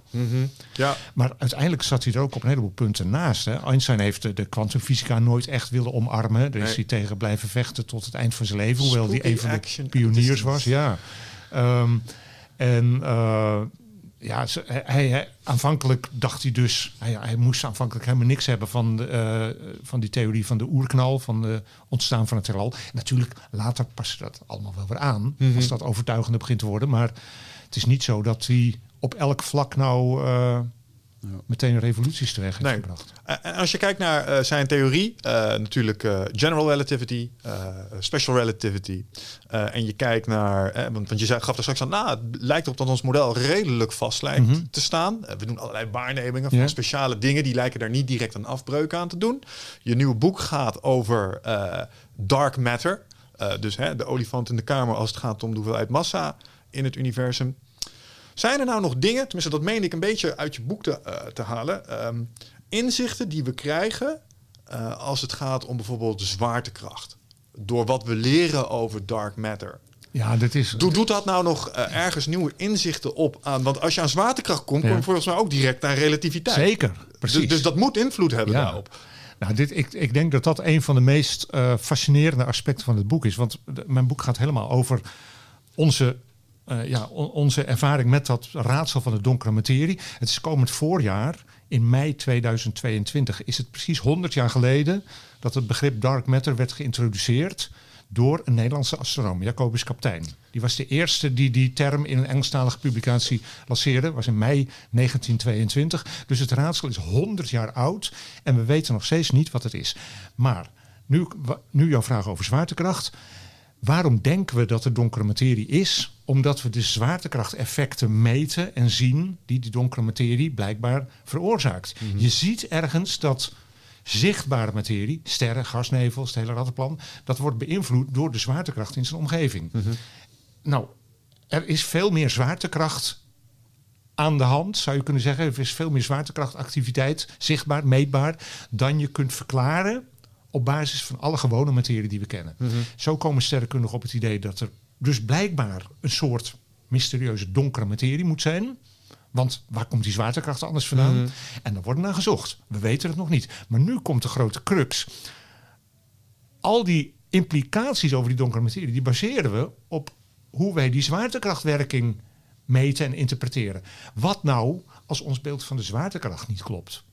Ja. Ja, dan is die conclusie dat er donkere materie moet zijn misschien helemaal onterecht. Ja, En dat is een heel fascinerend aspect van, van dat donkere materieonderzoek en ook van mijn boek. Eh, Want daar raakt het dus heel erg aan. Doe ik het kort als ik zeg dat donkere materie een beetje voelt als... oké, we hebben een sommetje gemaakt, zeg maar... en daar Ja. zitten een aantal nummertjes in. Ja. Alleen er zit een gat in die nummertjes. Ja. Eh, we komen 50.000 tekort. Ja. Nou, die vullen we nu gewoon met 50.000, weten niet wat het is, Ja. noemen we het donkere materie. Eh. Want nou is, de, nou is de balans sluitend. Nou, eigenlijk klopt dat. Dat is wat het is. je- zo gaat het. Ja. het. Het punt is wel dat er niet één sommetje is waar je dat merkt, maar dan is er vanuit een hele andere richting een compleet ander sommetje. En dan kom je ook iets tekort en zeg je, hé, hey, blijkbaar kunnen we met precies diezelfde 50.000, waarvan Ja, we niet ja, weten wat is, dat probleem ook oplossen. En dit ook, en dat ook. En dan En komt dan later, wordt het als je, dat, als je dat allemaal hebt, dan ga je zeggen van... hé, hey, stel nou dat dat waar is met die donkere materie. Wat heeft dat voor consequenties voor de evolutie van het heelal? En dan ga je doorrekenen en dan blijkt dat dat de enige manier is... waarop je de evolutie vanaf de oerknal tot het huidige heelal goed kan verklaren. En dan begint iedereen te zeggen... ja jongens, het kan bijna niet anders of die donkere materie moet bestaan. Het, het, het, het klopt op te veel verschillende punten. Ja, want Maar- is een variabele in een boel verschillende formules, waar telkens de waarde het ding is wat hem, wat hem laat balanceren. Ja, en dan zie je hem daar, daar en daar denk je, Ja. dit moet wel iets zijn. Eigenlijk zou je dat zo kunnen zeggen. Dat is heel goed uitgedrukt. En, en hoe meer je eh, onafhankelijke ondersteuning vindt voor het bestaan van die donkere materie, hoe meer je er natuurlijk in gaat geloven. Ja. En ja, dan zeggen natuurkundigen ook, ja, het is niet zo raar hè, dat we eh, tot de conclusie komen dat er meer is in het heelal dan we tot nu toe dachten. Want zo is het eh, de hele geschiedenis van de mensheid al geweest. Je kan nooit ontdekken dat er minder is in het heelal dan je eerst dacht. Mhm. Dat zou heel erg gek zijn. Je kan niet tot de conclusie komen, hé, hey, blijkbaar is er eh, vijf keer zo weinig materie dan we tot nu toe hebben gezien. Ja. Kan, je kan alleen maar ontdekken dat er meer is. En dat is ook altijd zo gebeurd. Eh, we, we hadden eerst, dachten we, goh, sterren. Eh, en sterrenstelsels. Toen ontdekten we dat er ook allerlei gasnevels waren. Toen ontdekten we dat er stofwolken zijn die je helemaal niet met een gewone telescoop kunt zien. Toen ontdekten we dat er koude gaswolken zijn waar je een radiotelescoop voor nodig had. Toen ontdekten we dat er heel heet gas is wat je alleen met een röntgentelescoop Ja. kunt zien. Iedere keer ontdekten we meer. En ja, zeggen de astronomen dan, niet zo raar dat we nu ook ontdekken dat er weer een nieuw ingrediënt is, wat we tot nu toe nog niet kenden. Met het enige verschil dat dit donkere materie-ingrediënt, daarvan zou er ongeveer vijf keer zoveel moeten zijn als van de bacteriën die we nu tot nu toe kennen. Dus krankzinnige hoeveelheden. En het kan niet uit gewone atomen bestaan. Want Ja, dan oké. kloppen andere, andere eh, formules en eh rekensommen niet meer. En daar wordt het een mindfuck voor mij. Dus wel, ik, ik vond het leuk, je had een, eh, eh, een gedichtje van Alicia Alstrike. En de laatste regel vond ik het mooist. We don't know what it is, but it's real. Dus eh, we weten dat het, dat het echt is. Maar dan vraag ik mij tegelijkertijd af. Stel, ik stap in mijn ruimtescheepje. Ik ga een paar miljoen jaartjes ga ik vliegen. Ja. En dan, uh, dan ben ik hier. En dan ben ik op de vector waar dark matter zou moeten zijn. Wat denk jij dat we daar zien? Niks. Wat treffen we daar? Daar is gewoon lege ruimte. Ja, dus gewoon 3D. Donkere materie, voor zover nu gedacht wordt, is. Er zijn ook sterrenkundigen die zeggen het is eigenlijk een hele foute eh, naam. Want donker betekent nog dat het donker afsteekt tegen een lichte achtergrond of Ja. zo. Hè? Is niet zo. Donkere materie zou je eigenlijk, ik heb het boek niet zo willen noemen, zou je eigenlijk doorzichtige materie moeten noemen. Juist. Het is compleet onzichtbaar. Het, het heeft geen wisselwerking met licht, geen wisselwerking met elektriciteit, geen wisselwerking met magnetisme. Dus alles wat wij kunnen waarnemen, of het nou röntgenstraling of radiostraling of zichtbaar licht is, allemaal elektromagnetische straling, elektriciteit, magnetisme. Daar doet die donkere materie niets mee. Dus geen enkele wisselwerking. We kunnen het niet zien, we kunnen het niet merken. Het reageert niet met de atomen in ons lichaam, behalve via de zwaartekracht. Ik wou net zeggen, want de zwaartekracht is wat het genereert. Dus Ja. daar zou ik eh, wel een effect van moeten Oh ja, ervaren. als jij, als dus jij met je ruimtescheepje ergens vliegt en er zit, zou daar een grote concentratie donkere materie zitten, Precies. wordt jouw ruimteschip afgebogen. Exact. Dus, dus, dus er zijn interacties vanuit waar donkere materie zich ook maar bevindt. Eh, eh, is dat nog een, een vraag? Bevindt het zich in onze, ja, het klinkt misschien een beetje, maar in onze vectorspace? Of bestaat het misschien ernaast in een soort, ja, Nee hoor, het is gewoon. Het is eh, hier. eh, en dan even de, de standaard interpretatie van Ja, donkere ja, ja. materie. Donkere materie is gewoon een essentieel onderdeel, belangrijk onderdeel van ons heelal in onze ruimte. Het is alleen omdat het al die wisselwerking niet aangaat, los van die zwaartekracht, eh, is het alleen veel minder sterk dan de zichtbare materie. Eh, Geconcentreerd in sterren bijvoorbeeld. Eh, of in, dus donkere materie is diffuser verspreid. Het is in ons melkwegstelsel diffuser verspreid. Het is ook nog verspreid in de ruimte tussen de sterrenstelsels. En dat betekent dat het, omdat er heel veel lege ruimte is in het heelal, dat er heel veel donkere materie kan zijn in totale massa. Terwijl de dichtheid, bijvoorbeeld in onze wereld hier om ons heen, is relatief gering. Maar er zijn, als, ze- als die theorieën kloppen, vliegen er ook nu door onze studioruimte hier voortdurend donkere materiedeeltjes. Die vliegen dwars door jouw lichaam, miljoenen per seconde. Wat is, eh, ik probeer na te denken over, wat zijn het dan? Losvliegende Higgs-bosonen of zo, die samen klonteren of zoiets? Wat is, onze beste gok eh, als het gaat om wat, wat, dat, dat stukje gedrag verklaart? Ja, eh, Misschien is het, en, en, en sterker, eh, er is wel eens gedacht dat dat een kandidaat zou kunnen zijn voor de donkere materie. Misschien kun je het beste vergelijken met neutrino's. Ja. Neutrino's zijn ook deeltjes die we kennen, zijn in de jaren 30 voorspeld, in de jaren 50 van de vorige eeuw voor het eerst ontdekt. Ook iets wat we daarvoor helemaal niet kenden. Maar ze bestaan, grote hoeveelheden. En neutrino's hebben ook geen elektrische lading, zijn niet gevoelig voor de elektromagnetische kracht. Uh, enige verschil met uh, donkere materie is dat ze wel via bepaalde kernkrachten kunnen reageren. Dus ze kunnen af en toe op een atoomkern botsen en iets doen. Mm -hmm. Dat gebeurt bijna nooit. Maar die neutrino's die zijn ook overal in onze omgeving hier om ons heen aanwezig. Die kunnen we wel meten. Donkere materiedeeltjes zouden er ook moeten zijn. Misschien in mindere grote hoeveelheden. Want de deeltjes zelf zijn waarschijnlijk zwaarder dan die neutrino's. Maar uh, ja, het is nog niet gelukt om ze te meten. Zodra ze gemeten worden, is het raadsel opgelost. Dan weten we, ah, nu weten we dat dit het donkere. Dus daar zijn al die, en dat, dat beschrijf ik in mijn boek, al die laboratoria, vaak op grote diepte Ja. onder de grond, om storing van kosmische straling buiten de deur te houden. Die zijn dag en nacht bezig om te zoeken naar die donkere materie die daar wel moet zijn. En zodra zo'n experiment succes heeft, en je kunt zeggen van oké, dit zijn de eigenschappen van de donkere materie. Dit, we weten nu hoe zwaar het is, uh, hoe sterk het uh, met zichzelf uh, in wisselwerking treedt, wat voor effect het heeft hele kleine, maar op onze gewone materie. Ja, dan is het nog steeds een raadsel natuurlijk. Want het zijn gekke deeltjes die geen deel uitmaken van jou en mij. Ja. Maar dan hebben we, hebben we het raadsel eigenlijk opgelost. Interessant. Maar, maar ze worden niet gevonden. In hoe, ja, dat wou ik net vragen. Want in hoeverre zijn we dan, maken we vooruitgang in het, in het uitpluizen van dark matter? Nou, we maken er op twee manieren vooruitgang in. En dat is aan één kant sterrenkundig, aan de andere kant natuurkundig. En laat ik bij de sterrenkundige kant beginnen. Uh, zo is het raadsel ook op de kaart gekomen. We zien in de kosmos zien we dat sterrenstelsels sneller ronddraaien dan we kunnen verklaren zonder heel veel extra materie. Die extra donkere materie die er in zo'n sterrenstelsel moet zijn, die houdt zo'n sterrenstelsel bij elkaar. Als die donkere materie er niet zou zijn, zou dat stelsel met die enorme rotatiesnelheden uit elkaar vliegen. Hmm. Dat gebeurt niet, dus er moet extra zwaartekracht zijn om dat bij elkaar te houden. Dat zijn sterrenkundige aanwijzingen. In de sterrenkunde lukt het steeds beter om de verdeling van die donkere materie heel goed in kaart te brengen. We hebben geen idee wat het is, maar sterrenkundigen kunnen wel zeggen waar het zit. En dat lukt met zwaartekrachteffecten, eh, afbuiging van licht, uh, gaat steeds beter. Dus we krijgen steeds beter beeld hoe die donkere materie verdeeld is in het heelal, ook in de loop van de geschiedenis van het heelal. En dat geeft je natuurlijk meer informatie over de eigenschappen die het zou kunnen hebben. Mm. Maar dan weet je nog steeds niet of het nou heel weinig deeltjes met een hele grote massa zijn, of heel veel deeltjes met een hele kleine massa, dat is niet zo makkelijk te zien. Mm. Dan komen de natuurkundigen om de hoek kijken. Die zeggen we proberen die deeltjes te produceren in een deeltjesversneller, zoals bij CERN. Of we proberen ze te meten in zo'n detector, zoals in Italië op grote diepte onder de Appenijnen. Wat in hoofdstuk 2 in mijn boek uh, beschreven wordt. Mm. Uh, daar boeken we ook vooruitgang in, want die detectieapparatuur wordt steeds gevoeliger, gevoeliger, gevoeliger. Alleen, ja, een keer houdt het natuurlijk op. Want uh, ja, als, als die, die deeltjes heel incidenteel, maar veel minder dan we nu kunnen meten, met gewone materie in aanraking komen, dan gaan we het nooit zien natuurlijk. Als, als, als dat te weinig gebeurt, dan, ja. dan gaat het onder de ruis van je metingen zitten. Mm. Dus het is niet gezegd dat dat probleem wordt opgelost. Misschien is onze meetapparatuur nog niet fijngevoelig genoeg. Nee, dat klopt. Maar misschien is er ook wel een keer een. Kijk, bijvoorbeeld die neutrino's die we hebben, die hebben ook af en toe wisselwerking met gewone materie. Mhm. Mm -hmm. En als, je, als de effecten van de donkere materie veel zwakker zijn dan die van neutrino's, die kun je niet wegpoetsen. Want die neutrino's zijn overal, ja, dan ga je het niet meten. Ja, okay. Het is een beetje alsof je. Dit is misschien een goede vergelijking. Donkere materie, deeltjes meten, is een beetje alsof je een speld wil horen vallen.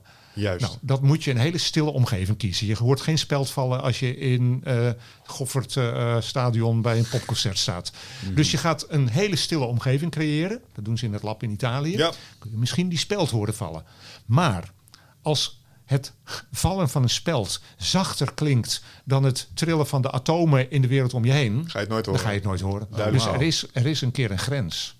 Dat is ja. bijzonder. Ja. Ja. Oké, okay. dan als het gaat over dark matter, uh, zwaartekracht, heeft interacties met zwaartekracht. Nou, dan ben ik wel benieuwd, um, hoe interacteert dark matter met black holes? De grootste concentratie van zwaartekracht die we kennen. Um, en, en, dan met een, nee, laten we eerst die beantwoorden, dan heb ik daar nog een, een andere vraag over ja, black holes. Nou, om te beginnen, iedereen bij wie ik iets vertel over donkere materie, wat onderwerp van het boek is, die denkt meteen, oh ja, zwarte gaten. En dat is een logische link wat je denkt. Want een zwart gat is ook mysterieus en heeft ook veel Ja, zwaartekracht. maar- en is ook, eh, maar de donkere materie, laat ik dat voorop stellen. Heel goed dat iedereen zich dat realiseert. Die donkere materie, we weten niet wat het is, maar met zwarte gaten kunnen we het raadsel niet oplossen.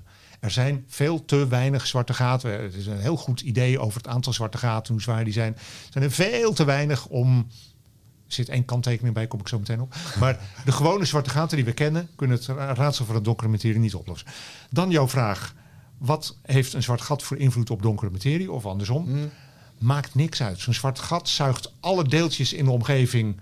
Zuigt, waar, waar die zwaartekracht wisselwerking mee zuigt hij op. Als er een wolk donkere materie langskomt, wordt hij ook het zwarte gat ingezogen. Juist. Dus maakt eigenlijk ja. niet zoveel uit. Oké. En, En dan die kanttekening. Ja, sorry. Even leuk om even te noemen. Hele recente theorie.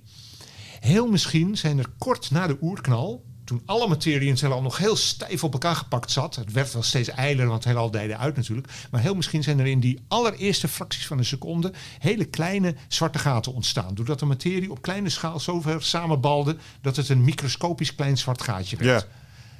Het zou kunnen, en dan moet het aan allerlei speciale voorwaarden voldoen. Het zou kunnen dat die oerzwarte gaatjes, als die bestaan, dat die precies de juiste eigenschappen zouden hebben om ons donkere materieraadsel op te lossen. Maar ik moet er meteen bij zeggen. Dit deel van de potentiële oerzwarte gaten is al afgereserveerd, kan het nooit zijn. Dat deel van de potentiële oerzwarte gaten kan het nooit zijn om allerlei observationele redenen. Die oerzwarte gaten moeten dan precies be- aan bepaalde eigenschappen voldoen zodat we ze nog niet hebben kunnen uitsluiten. En dat is nog een mogelijkheidje dat dat een oplossing En die is. zwarte gaten zijn dan niet elk zwart gat een deeltje, maar dat zijn zwarte gaten die later uit elkaar zijn gevallen in de. Nee, dat zijn kleine zwarte gaatjes. Die, Het wordt heel dubieus zo, ja, ik snap het. ja, die, eh, waar je ook niet bij in de buurt zou moeten komen. Nee, Want dat overleef je dan ook niet. Nee. Eh, maar die misschien wel door ons melkwegstelsel heen zweven. oké. En in hebben, redelijke aantallen. hebben die zwarte gaten... We hadden het zo straks over dat je op de berg rondloopt en eh, je, je, eh, ehm, hoe noem je dat? Je, moved, je, je beweegt een steen. Ja. Als we die zwarte gaten hebben die zwarte gaten zodanig een functie dat ze dit stelsel eh, vormen zoals het is?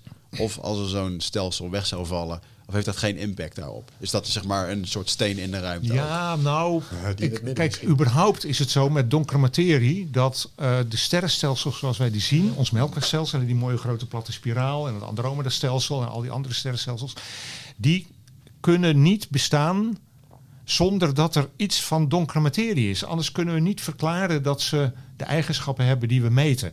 Het is zelfs zo dat, eh, en dat was nog voordat donkere materieraadsel echt groot eh, op het toneel verscheen, begin jaren 70, vorige eeuw, dus nu zo'n 50 jaar geleden, waren er een paar sterrenkundigen die gingen uitrekenen: hey, ons melkwegstelsel. Hadden ze niet eens over de draaisnelheid, dat was toen nog niet zo goed bekend. Maar de structuur, die platte schijf, kan eigenlijk niet stabiel zijn. Er moet een soort halo van zwaartekracht omheen zitten. Ze dachten toen nog dat dat misschien zwakke sterretjes zouden kunnen zijn of zoiets. Ehm, dus sterrenstelsels zoals wij die zien, kunnen niet bestaan zonder iets van donkere materie. Of die donkere materie nou uit een heleboel lichte deeltjes bestaat, of uit een kleiner aantal oerzwarte gaatjes, dat maakt niet zoveel uit. Maar eh, ja, als ze er zijn, als die donkere materie bestaat, in welke vorm dan ook, dan is die donkere materie verantwoordelijk geweest voor de structuur van het heelal zoals we die nu zien. Als er geen donkere materie was, zouden er misschien niet eens in de loop van de geschiedenis van het heelal sterrenstelsels en sterren en planeten en mensen zoals jij en ik zijn ontstaan. Wauw. Niet dat wij uit die donkere materie bestaan, maar de zwaartekracht van de donkere materie heeft, heeft ja, zeg maar de, de structuurvorming in het heelal aangedreven. Juist. Dus eh, moleculen kunnen ontstaan omdat zwarte, eh, donkere materie zijn, zijn zwaartekrachteffect op het universum Ja. laat uitoefenen.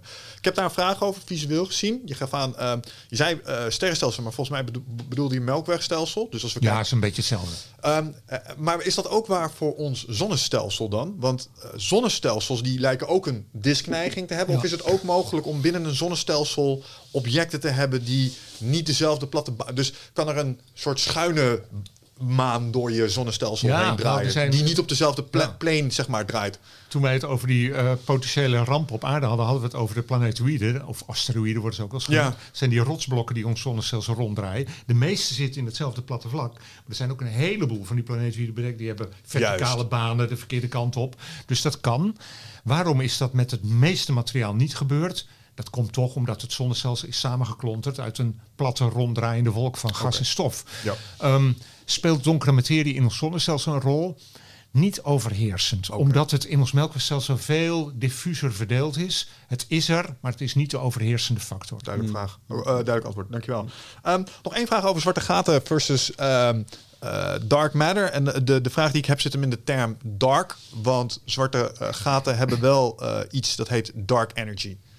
Ehm, Hawking radiation. Er lijkt iets uit zwarte gaten. Ja. En, en wat, heet, wat, wat, heet, Ja. wat, is, eh, wat is dark matter van dark eh, eh, energy in dat opzicht? Is dat toevallig een overeenkomstig gekozen term? Ja. Eh, en, en komt daar verwarring uit voort? Of hebben ze ook iets met elkaar te Even, maken? even een hele kleine correctie hoor, voor de aandachtige luisteraar.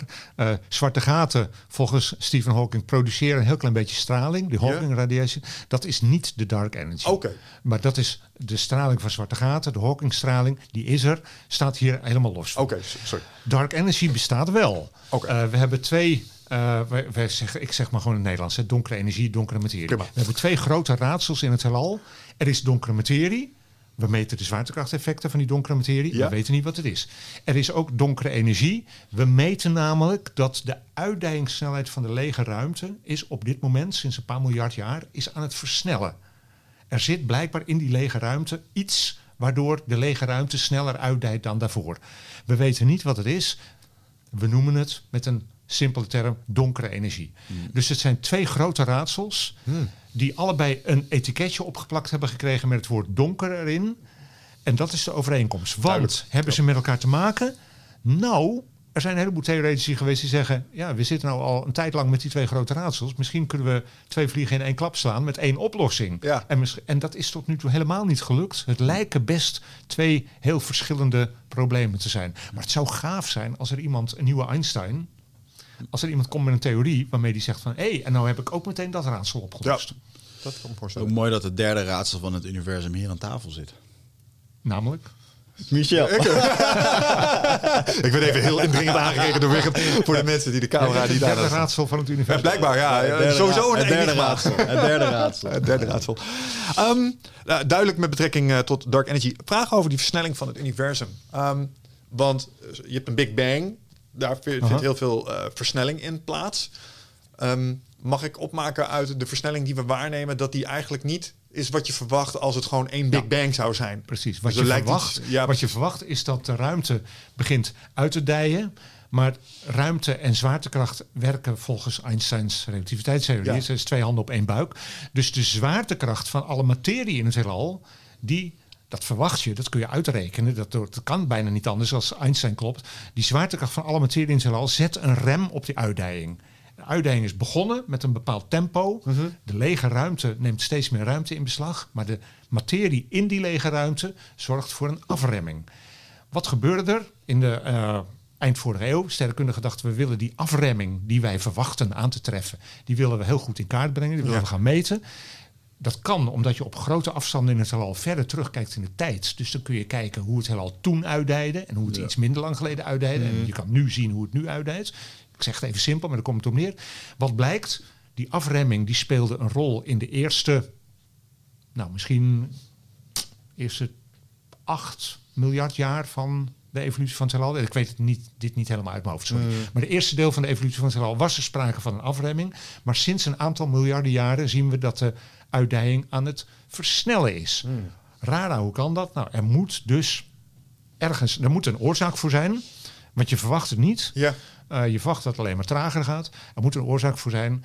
Eh, we noemen het donkere energie. En we proberen uit te gaan vogelen wat dat nou eigenlijk is. Wat is dat voor eigenschap van de lege ruimte, waardoor die lege ruimte in een hoger tempo meer ruimte in beslag aan het nemen Ja. is.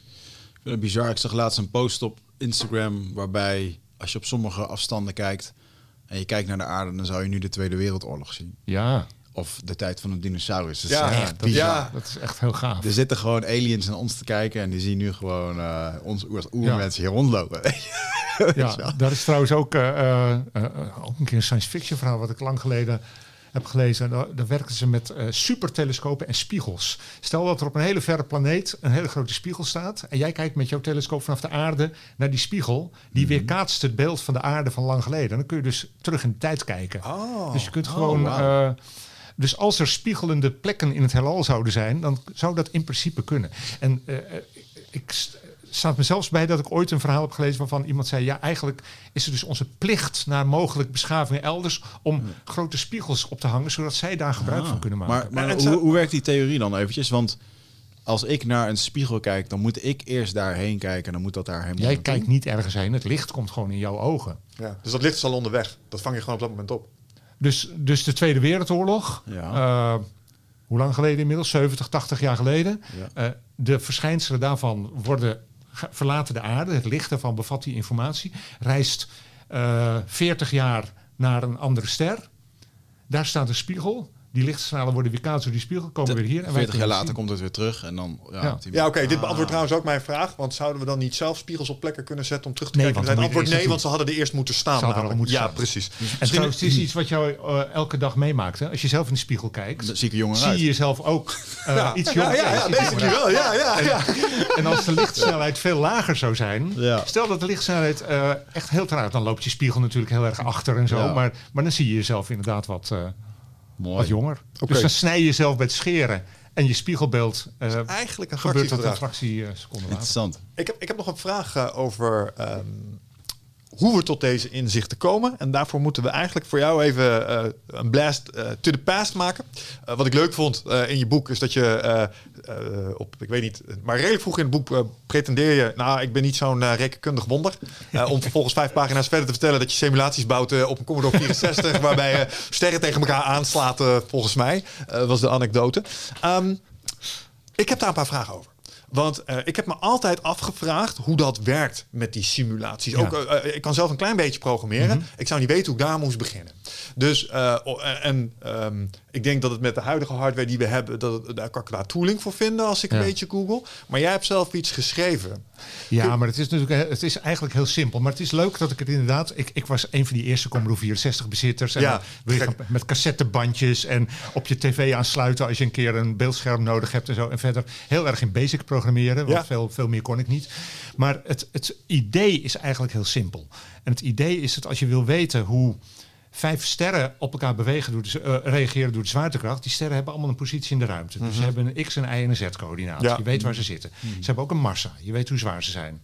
Nou, dan kan ik uitrekenen, als ik hier een klein sterretje heb en op een andere plek zit een zware ster, dan weet ik hoe sterker door die zware ster aan het kleine sterretje wordt getrokken.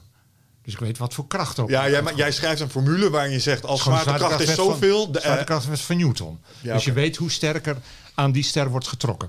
Als je dat weet, dan weet je hoe sterk die ster wil verschuiven. Nou, dan heeft hij, hij wil een bepaalde snelheid in een bepaalde richting. Dan zeg je, oké, eh, dan doe ik één tijdstapje van bijvoorbeeld... eh, ik ga uitrekenen hoeveel verplaatst die ster onder invloed van de zwaartekracht in een minuut. Ik Ja. zeg maar wat. Dan staat hij ergens anders. Ja. Na een minuut staat hij op een nieuwe positie. Doe ik voor al die sterren. En ze hebben allemaal invloeden van alle andere sterren ook. Hè? Dus je, je hebt, hij wordt eh, een beetje in die richting getrokken door die ene ster, een beetje in die richting door een andere ster. Hij wordt alle kanten op getrokken. Netto komt daar één bepaalde snelheidsvector uit. Dan ga je zeggen van gedurende een bepaalde tijdstap, dan ga ik voor al die sterren uitrekenen, waar zitten ze dan een minuut later? Hebben ze allemaal nieuwe posities.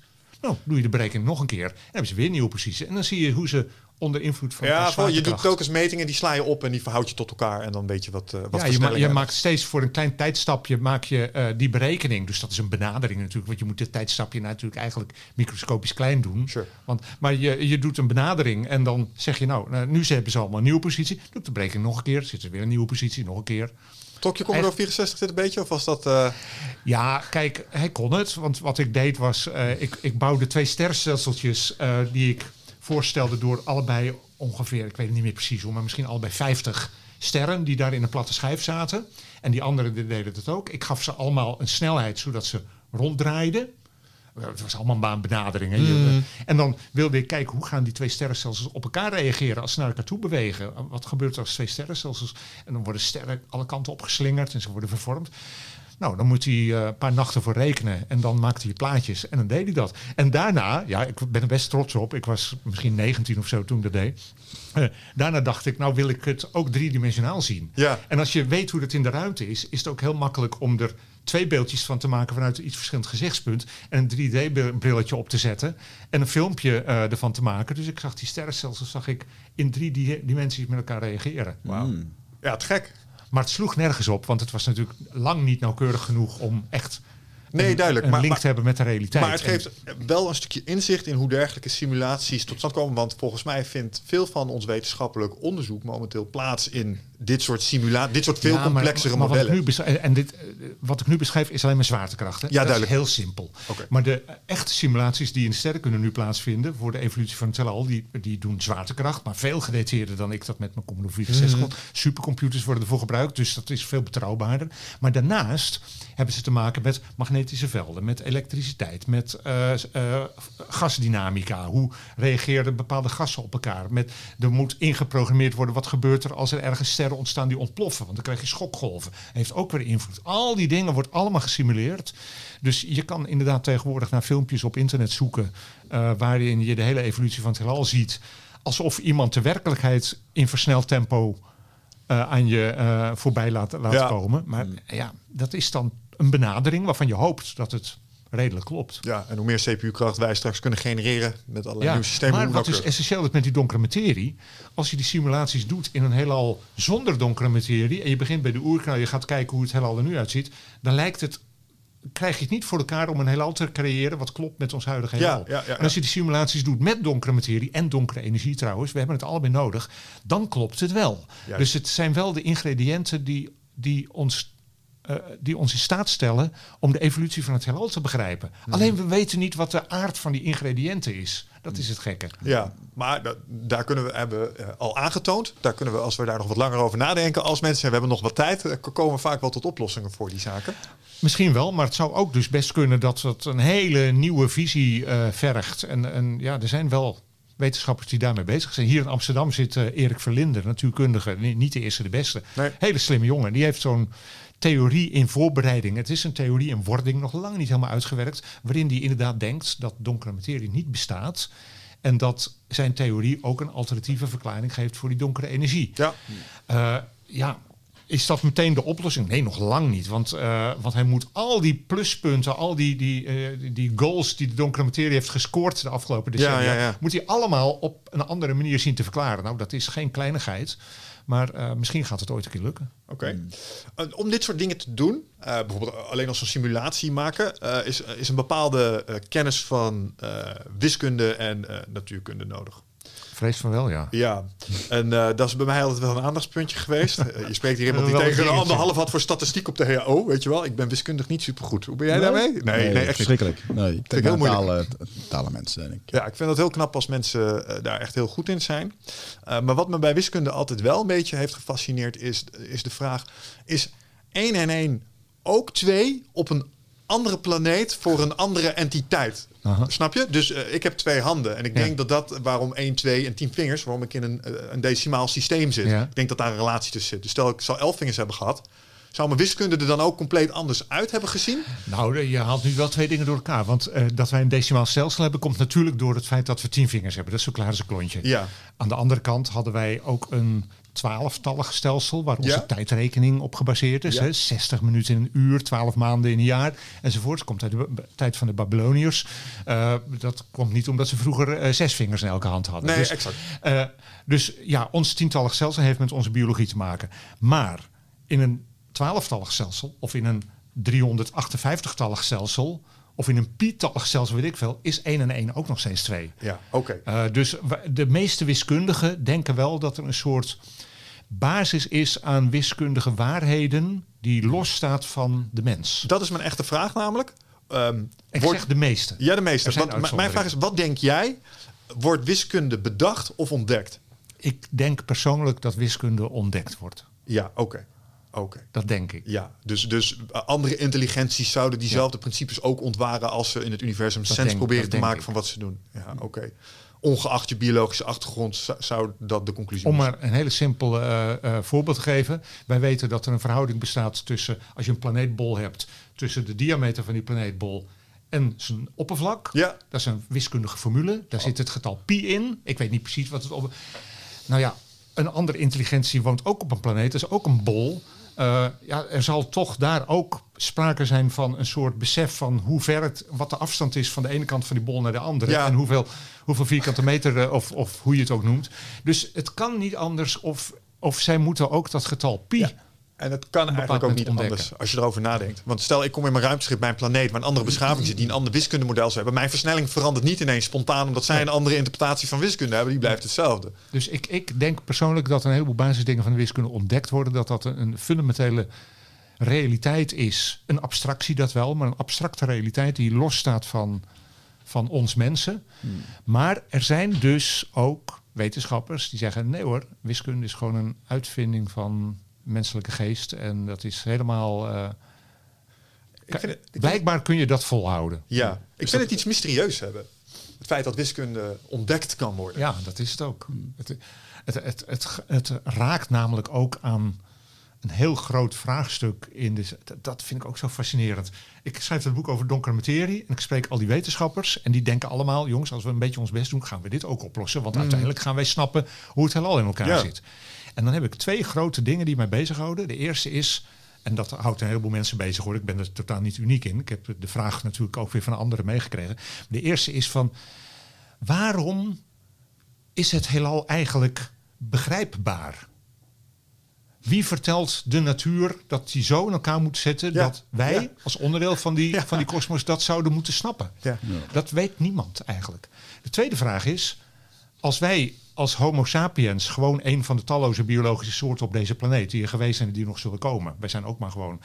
eh, waarom zouden wij nou net uitgerekend degene zijn die in staat zijn om de kosmos helemaal te begrijpen? We, we verwachten ook niet van een egel dat hij de kwantumfysica begrijpt, of van een goudvis dat hij de relativiteitstheorie snapt.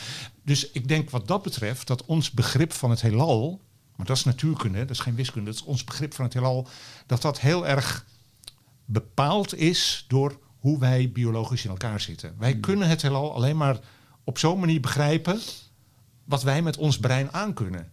En dan heb ik niet per se over een beperking, maar die is er denk ik ook. Tuurlijk. Maar ook over een manier van benaderen. En het, het kan niet anders of onze manier van het heelal benaderen wordt begrensd door de Zintuigen. vermogens van onze hersenen. Dat, Ja.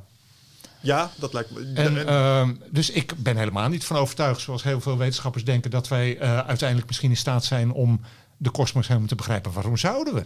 Sowieso is het alleen maar onze manier van begrijpen. En eh, bovendien, eh, ja, ja, hoe, hoezo is deze 1300 gram grijze massa in staat om een kosmos van ja, 40 miljard lichtjaar groot en 14 miljard lichtjaar eh, jaren oud, om dat helemaal te, te duiden? ja, nou, ik denk dat we het onszelf wijs kunnen maken, omdat we op dit moment de enige zijn waarvan we weten dat ze het kunnen. En dat maakt ons nog even speciaal. Ja, dat is waar. De, dus zodra we iets hebben gezien dat het ook kan, dan, dan zal dat ontnuchteren, Aha, denk ja. ik. Maar, maar tot die tijd is de illusie dat we alles kunnen uitvissen eh, Ja. ongecheckt. Want dat blijf ik tegelijkertijd. eh, we zijn apen met smartphones. Maar als je kijkt naar de concepten die we kunnen uitpuzzelen. en waarvan we kunnen snappen dat we ze niet kunnen uitpuzzelen. maar dat is op zich ook knap. Hè? Het feit dat als wij als primaat kunnen zien dat kwantummechanica. een manier van denken met zich meebrengt. waar onze hersenen Ja. voor gemaakt zijn. Dus we zullen, we zullen het nooit helemaal snappen, maar dat snappen we. ja. Dus daar kunnen we omheen werken. Ja, dus we ja, snappen niet wat er in de black box gebeurt, maar wat er aan de achterkant uitkomt heeft waarde. Dus prima, Ja. die processtap slaan we daar maar even over. Ja. Dus, dus we kunnen wel de waarde eruit ontginnen. Ja. Blijft mij Ja, fascineren. dat is kwantummechanica is helemaal. Daar begrijp ik dus niks van, maar ik verkeer een goed gezelschap. ja, ja, Eh, ik niemand volgens eh, mij. Dus. eh, ik, ik weet niet meer wie dat zei, die beroemde quote van als je denkt de kwantummechanica te begrijpen, dan begrijp je het niet. ja. Ehm, eh, maar ja, dat is, dat is iets heel fascinerends. Want dat gaat zo tegen je gewone intuïtie in. Kijk, hoe het kosmos in elkaar zit. Dan moet je met grote getallen leren te werken en zo. Of dan moet je aan wennen. Maar verder is het idee van sterrenstelsels, sterren en planeten en gaswolken... is heel simpel. Ja. Dat kunnen wij allemaal aan. Maar die kwantumfysica, dat, gaat, dat Ja. is zoiets raars. En wat dat nog doet, is er een. een wat, ik, er- wat ik er intimiderend aan vind, is het de factor aan complexiteit die je toevoegt aan het verhaal. Ja. Dus eh, een, een, gewoon een universum. Ik denk dat ik het kan handelen of zo. Maar Aha. zodra we in multiversa en branching rea- eh, realities moeten gaan denken, die zelfs ook de andere kant op kunnen Ja. lopen en zo, en dan ja, not, does not compute. Ja. Does not compute. En dat is dus ook heel raar, want dan, ik, ik voel helemaal met je mee, want ik heb bij al dat soort dingen ook de idee, ja, sorry hoor, dat gaat me te ver. Ja. Zo gek kan de realiteit niet in elkaar zitten. Dit is te imbeciel. Tegelijkertijd zei ik net, en dat denk ik ook, waarom zou die realiteit zo in elkaar moeten zitten Ja, dat wij niet? Homo sapiens dat eh, kunnen begrijpen? Dus misschien, Ja, wie zei het ook alweer? The universe is under no obligation to make sense. precies, dat is het. Wat vind jij van, je noemt het in je boek de kosmische ketters. ehm, en daarin beschrijf je de pseudo-wetenschappen waar buitenaardse wezens de piramides hebben. eh, tenminste, dat haal je even aan. Dat, er zijn Die- pseudo-wetenschappen die beweren Ja, dat, dat ja, ja. piramides ge- gebouwd zijn door buitenaardse civilisaties en zo. Is ook zo. Tegenwoordig heb je daar gewoon een soort Netflix voor, dat heet Gaia. Als je Aha. op social media ziet, dan zie je dat. Wat, wat vind jij daarvan? Van die theorie over de piramides? Ja, of van of- nou kosmologische ketters? Nou, maar ook als je kijkt naar ehm, ehm, de Maya-geschiedenis en dat soort dingen. En die afbeeldingen zie je van die spaceships en ruimtemannetjes. Wel fascinerend, weet je wel. Erik van Deniken, hè? Ja, de eh, ach- achterhaalde eh, eh, jongensboeken romantiek is dat. Ja? Ja, echt. Vind ik jammer. Ja, is ook jammer. Ja, dat snap ik helemaal. Ik heb die boeken ook allemaal gelezen vroeger. Ik vond het ook allemaal fascinerend. En weet je wat er gebeurt namelijk bij die, die dingen van de Maya en van de piramides? Het is een terugkerend iets. eh, altijd bij die. Het is echt pseudowetenschap. Wat er altijd gebeurt is het volgende. Ehm, er is iets waar we weinig van weten. We weten weinig van de Maya's. We weten niet waarom ze die tekening hebben gemaakt. We weten weinig van de Egypten. Dus er is iets met heel veel onzekerheid. Komen we misschien ook niet zo snel achter. Oké, dat is één gegeven. Dan is er ook nog iets wat je met een idee uit de hoge hoed tovert als zomaar iets verzonnen. Namelijk, er bestaan buitenaardse intelligenties die de aarde hebben bezocht. Er is geen enkele aanwijzing voor, maar dat kun je poneren. Dat is een idee. Nou, het is, en daar, daar heb je alle vrijheid in om dat zo in te vullen als jij wil. Hè? Want eh, er zijn geen randvoorwaarden. Jij mag bedenken hoe die aliens eh, zich voortbewegen, wat ze allemaal wel en niet konden. Als jij iets hebt wat je zelf kan bedenken, namelijk die aliens, en je hebt iets waarvan je weinig weet, dan is het heel makkelijk om daar een samenhangend verhaal van te maken. Lukt altijd. En dat doen die auteurs. Ja. En dat- ze kunnen goed schrijven. En ze nemen je stap voor stap mee. En je denkt oh, wauw, wauw, en dat ook. Ja, hè, hè, daar weten we niks van. En dat kan je allemaal verzinnen zoals je wil. Ja. Logisch dat dat lukt. Ja. Dus dat is eh, een beetje...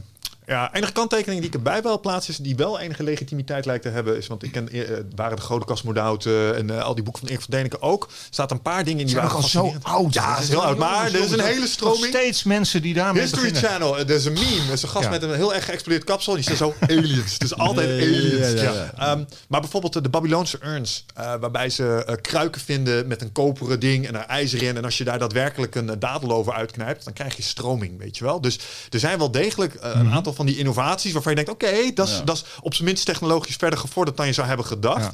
Alleen die worden dan gebruikt. La- laat dat op zich dan heel bijzonder zijn. Het feit dat ze een soort gloeilamp hadden in, in, in Ja. het oude Egypte. Maar dat, ik denk, als aliens waren geweest, dan hadden ze zaklampen gehad. En zo- zo'n heel primitief ding, weet je wel. Maar nou doe je hetzelfde. Je zegt als aliens waren geweest, hadden ze zaklampen gehad. Jij verzint gewoon hoe jouw Nee, aliens eh, zouden... tuurlijk. Dus, dus je kan alles verklaren met het idee dat er... eh, Ik zit trouwens meer in dat kader aan de kant van eh, Graham Hancock. Ja, maar daar zit ik, daar zit ik ook naar het. eh, ik bedoel, ik heb dat boek hier staan volgens mij staan. Fingerprints of the Gods. Ja, zo, dus, soort, dus eh, dat er. ah, dat, er- wat vind je daarvan? Dat het mo- wel mogelijk is dat, het, dat de narrative die we nu hebben over onze eh, agrarische revolutie 20.000 jaar geleden. en dat dat aan de bakermat van beschaving is geweest. Er zijn een aantal van die excavaties, zoals Göbekli Tepe. En die zijn dan 120.000 jaar oud. En zo. Dus dat, dat Ja. suggereert dan een andere eh, narrative van onze menselijke geschiedenis als het gaat om beschaving.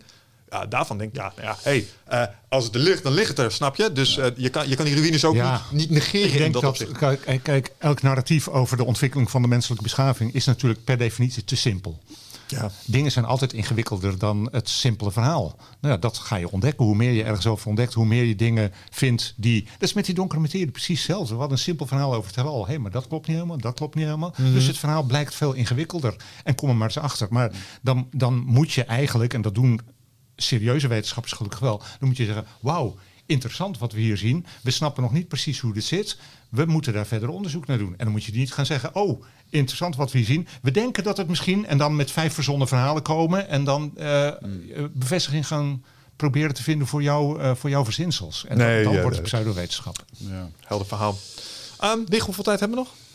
Ik weet niet hoe lang, uh, de hoeveel hele tijd middag. Oh, oké. nou, te gek. op Dat- anderhalf uur nu. Anderhalf dus, eh, uur. Dan, dan hebben we nog wel ruimte voor een, eh, voor een aantal vragen.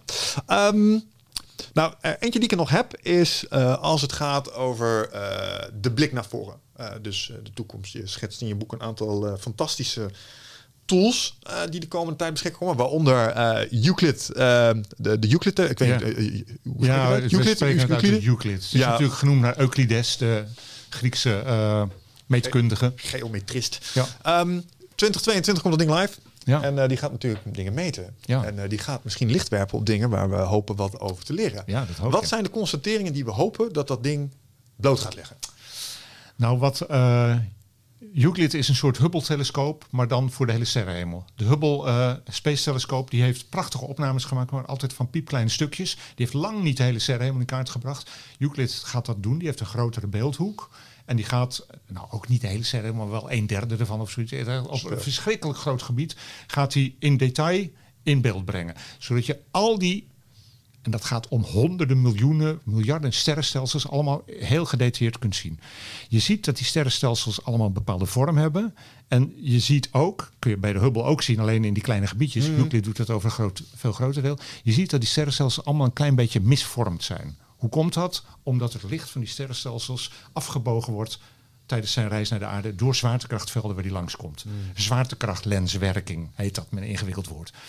Nou, Euclid gaat die hele zwaartekrachtverdeling in het heelal in kaart brengen, driedimensionaal. Ook met wat op grotere afstanden, kijk je ook verder terug in de tijd. Oh, ja. Dus we gaan helemaal zien hoe de materie, of in ieder geval de zwaartekracht, eh, geconcentreerd is, verdeeld is in de kosmos en ook hoe dat geëvolueerd is in de loop van de tijd. En voor de donkere materie is dat interessant, want Ja. de donkere materie die buigt dat licht ook af. En donkere materie is volgens de standaard opvattingen is dominant. Er is veel meer donkere materie dan gewone. Dus je kan eigenlijk met een kleine benadering zeggen dat er alleen maar donkere materie is. Dat klopt wel Ja, ja, grove lijnen. Dus eigenlijk als je die zwaartekrachtlenswerking in kaart brengt, weet je hoe de donkere materie in het heelal is verdeeld. Ah, en dan kun je potentieel dingen leren over wat die structuur Over de met- evolutie van de kosmos, over de eigenschap, grootschalige eigenschappen, maar niet over de ware aard. We gaan dat met Euclid niet ontdekken. eh, zijn dat nou die microscopische zwarte gaatjes uit de oerknal Nee, of zijn het mysterieuze deeltjes? Ehm, en zelfs helaas niet die, die spannende mogelijkheid. Of is er misschien helemaal geen donkere materie en moeten we onze ideeën over de Ah, zwaartekracht de- bijstellen? Ja, Dus eh, ik weet niet of het een revolutie teweeg gaat brengen. Het gaat wel eh, een, een heleboel. En wat natuurlijk altijd gebeurt als je met een gevoelige telescoop zoveel dingen gaat meten. Ga je allemaal dingen ontdekken waarvan ze nu nog niet in het voorstel hebben kunnen zetten dat ze dat ook ja, gaan. ja, ja. Gaat deze telescoop ook in staat zijn om, eh, ik geloof, is dat als je de kleur van een ster meet die Mhm. lang- eh, en de planeten die er langs heen gaan, is dat spectrografie? Ja. Eh, Kan deze ook spectrografie? Nee, niet op de manier wat jij nu bedoelt. Dat de, die opvolger van de Hubble die over een paar weken eh, gelanceerd wordt, de James Webb Space Telescope, Ja. die gaat dat wel doen. Ah, top. En er is heel kort geleden in de Verenigde Staten ook een nieuw rapport gekomen met aanbevelingen voor de toekomstige ontwikkeling in het ruimteonderzoek. En dan staan ze een soort super Hubble, staat er ook nog op in de toekomst gepland, maar dat gaat nog een tijdje duren. Die gaan kunnen dat wel doen en die kunnen van individuele sterren kunnen ze het licht heel nauwkeurig analyseren.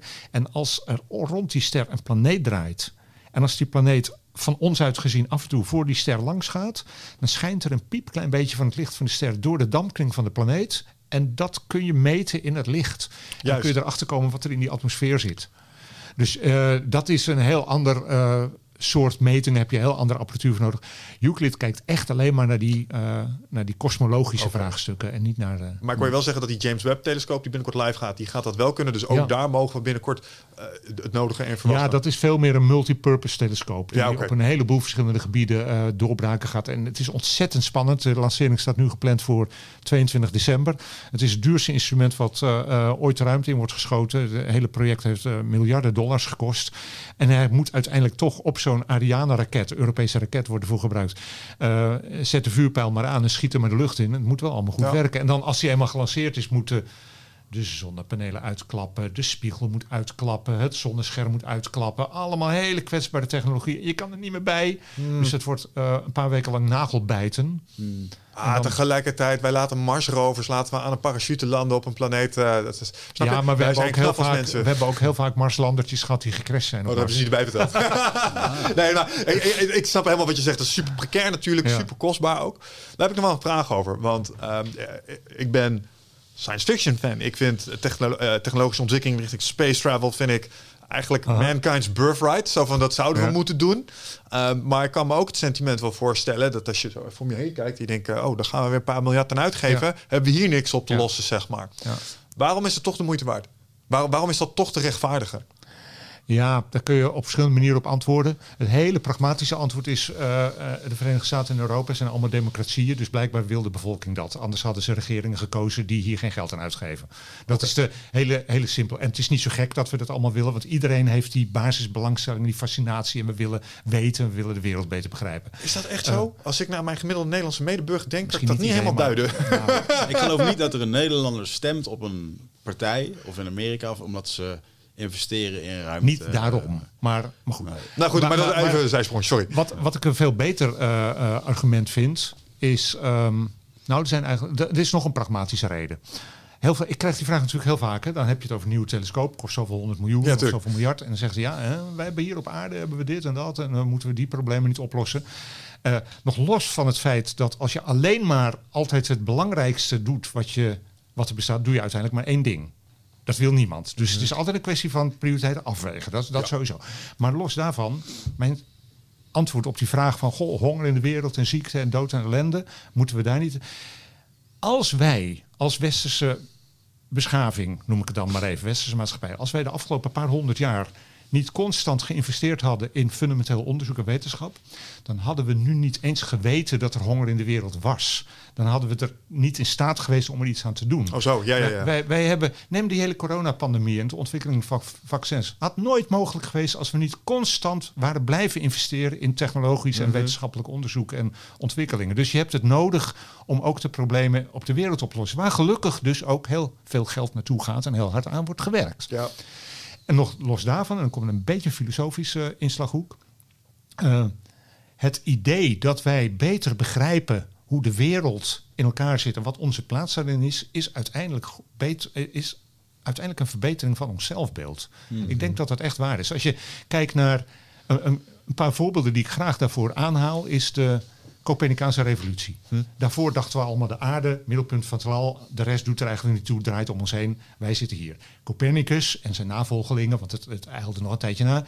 We weten nu, de aarde is een heel klein bolletje. Een van de talloze in een uithoek van het melkwegstelsel. En toevallig is het daar zomaar ontstaan. Wat heeft dat ertoe geleid? Dat wij de aarde zijn gaan zien voor wat het is. Namelijk een kwetsbare planeet die wij die, die geen gegeven is, hè, waar wij zorgzaam mee om moeten gaan. Neem Darwin, de evolutietheorie en de, revolutie die dat teweeg heeft gebracht. Ehm, heeft ertoe geleid dat wij ons langzaam maar zeker zijn gaan beseffen dat wij een van de kleine onderdeeltjes zijn in die hele evolutieboom van het leven op aarde. Waardoor wij anders en beter zijn gaan aankijken naar onze neefjes, nichtjes, vriendjes en broertjes eh, in het plantenrijk, dierenrijk, mensenrijk enzovoort. Het, dat zijn toch wel verbeteringen in onze manier van naar onszelf kijken en in de wereld staan. Ja, snap ik.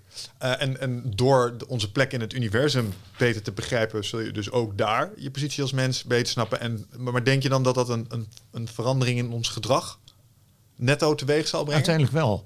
Ehm, neem bijvoorbeeld hoe wij. eh, Oké, we zijn geen eh, supermensen, dus er gaat heel veel fout in deze wereld. Laat ik dat, dat beginnen te zeggen. Want, Ja. iedereen begint er altijd met tegenvoorbeelden. Maar in principe vinden wij nu eh, dat we goed met dieren moeten omgaan. Ja. Oké, we hebben de bio-industrie, maar er is heel veel protest tegen de bio-industrie. Daar begint het mee. En ik denk dat er over 50 jaar is er de bio-industrie niet meer. Het Wij vinden, het, het gaat, er zit een verbetering in. Ja. In de manier waarop wij daarmee omgaan. Dat was vroeger ondenkbaar, want dieren waren eh, dingen, hè, daar kon je mee doen wat je wil. Hoe komt dat? Omdat we weten dat we zelf ook een dier zijn. Ja, en we weten dat er dieren zijn die dichter bij ons staan en die wat verder. En dat leidt dus tot een, een betere manier van omgaan met de wereld. Snap ik. Ja, nee, dat, dat begrijp ik helemaal. Dus je, je plek daar beter in begrijpen. Eh, Dan heb ik een, eh, een leuk gedachte-experiment voor je. Ehm, Gewoon even vanuit je rol. Iedereen denkt graag na over buitenaards leven. Tenminste, als het gaat om de sterren. En dat is ik wel in ieder geval. Fantastisch concept. Wat is jouw wat als scenario? Stel, eh, ik heb altijd beweerd, het beste wat bij ons kan overkomen is dat we erachter komen Alpha Centauri wonen mensen. Of er woont iets wat op ons lijkt. Ongeveer even ver, zeg maar. Ja. Wat, wat denk jij dat er gebeurt op het, moment, op het moment dat wij erachter komen? Het leek deze zomer even op, hè? De Verenigde Staten ja, wilde een beetje afleiding creëren. Hey, aliens zijn echt jongens, eh, weet je wel. Ehm, maar wat zou er gebeuren, denk jij, als morgen op, eh, op het nieuws naar buiten komt... hey, contact, we hebben, we hebben nu echt iets onomstotelijks intelligents gevonden. We weten niet wat het is, maar het is er. 100% zeker. Het, is, het, het zijn signalen. We, we halen wiskunde uit Ja, de signalen. precies. Er wordt, Ja. De pi wordt iteratief naar Ja, ons toegestuurd met een laser. Ja. Oké, nu dat is redelijk duidelijk, toch? Ja, precies. Eh, wat, wat denk je dat dat zou betekenen voor onze maatschappij? Ehm, Mayhem. ik, vrees, ik vrees op korte termijn niet zoveel. Dat is natuurlijk eh voorpagina nieuws in de kranten, een Ja. paar dagen. Het staat in de tijdschriften, talkshows. En na een maand zijn we weer druk bezig met fileprobleem en de, en de hypotheekrente. Want dat is, eh, en dan suddert dat nog een beetje door. Dus ik denk op korte termijn dat dat niet zo verschrikkelijk... Nog los van het feit dat eh 60% van de wereldbevolking is er al van overtuigd hè, dat het bestaat. Dus die zullen alleen maar zeggen, oh ja, wist ik al. Dus dat is, dat is ook nog iets. Eh, ja, dat- ja, dat- maar, dat- dat- ja oké, maar- maar, oké. ja, is ja. ontastbaar. Maar op termijn, en dan moet je echt praten over misschien niet eens decennia, maar eeuwen. Op termijn gaat dat onze blik op onszelf veranderen. Net zoals bij Copernicus dat gebeurd is. De manier waarop wij naar onze aarde kijken als onderdeel van het totaal en niet meer zien. eh, en, en, en net zoals de, we dat met de Darwin-evolutie, en die is, is nog veel korter geleden, daar is het nog steeds niet helemaal doorgecijpeld. Nee. Op termijn zijpelt dat door in ons collectieve bewustzijn. En het feit dat we dan weten dat wij gewoon een van de talloze intelligente beschavingen in zijn zijn, als we dat zouden ontdekken, dat is nog helemaal onzeker, dat gaat uiteindelijk iets van invloed hebben op de manier waarop we naar onszelf kijken. En ik denk, omdat het namelijk dan de werkelijkheid is, dat een beter begrip van de werkelijkheid alleen maar kan leiden tot een verbetering van de manier waarop je naar jezelf kijkt. Cool. Daar ben ik positief en optimistisch genoeg voor. Oké, interessant. De- de- dan een, in, in datzelfde gedachte-experiment voor jullie allebei een vervolgvraag.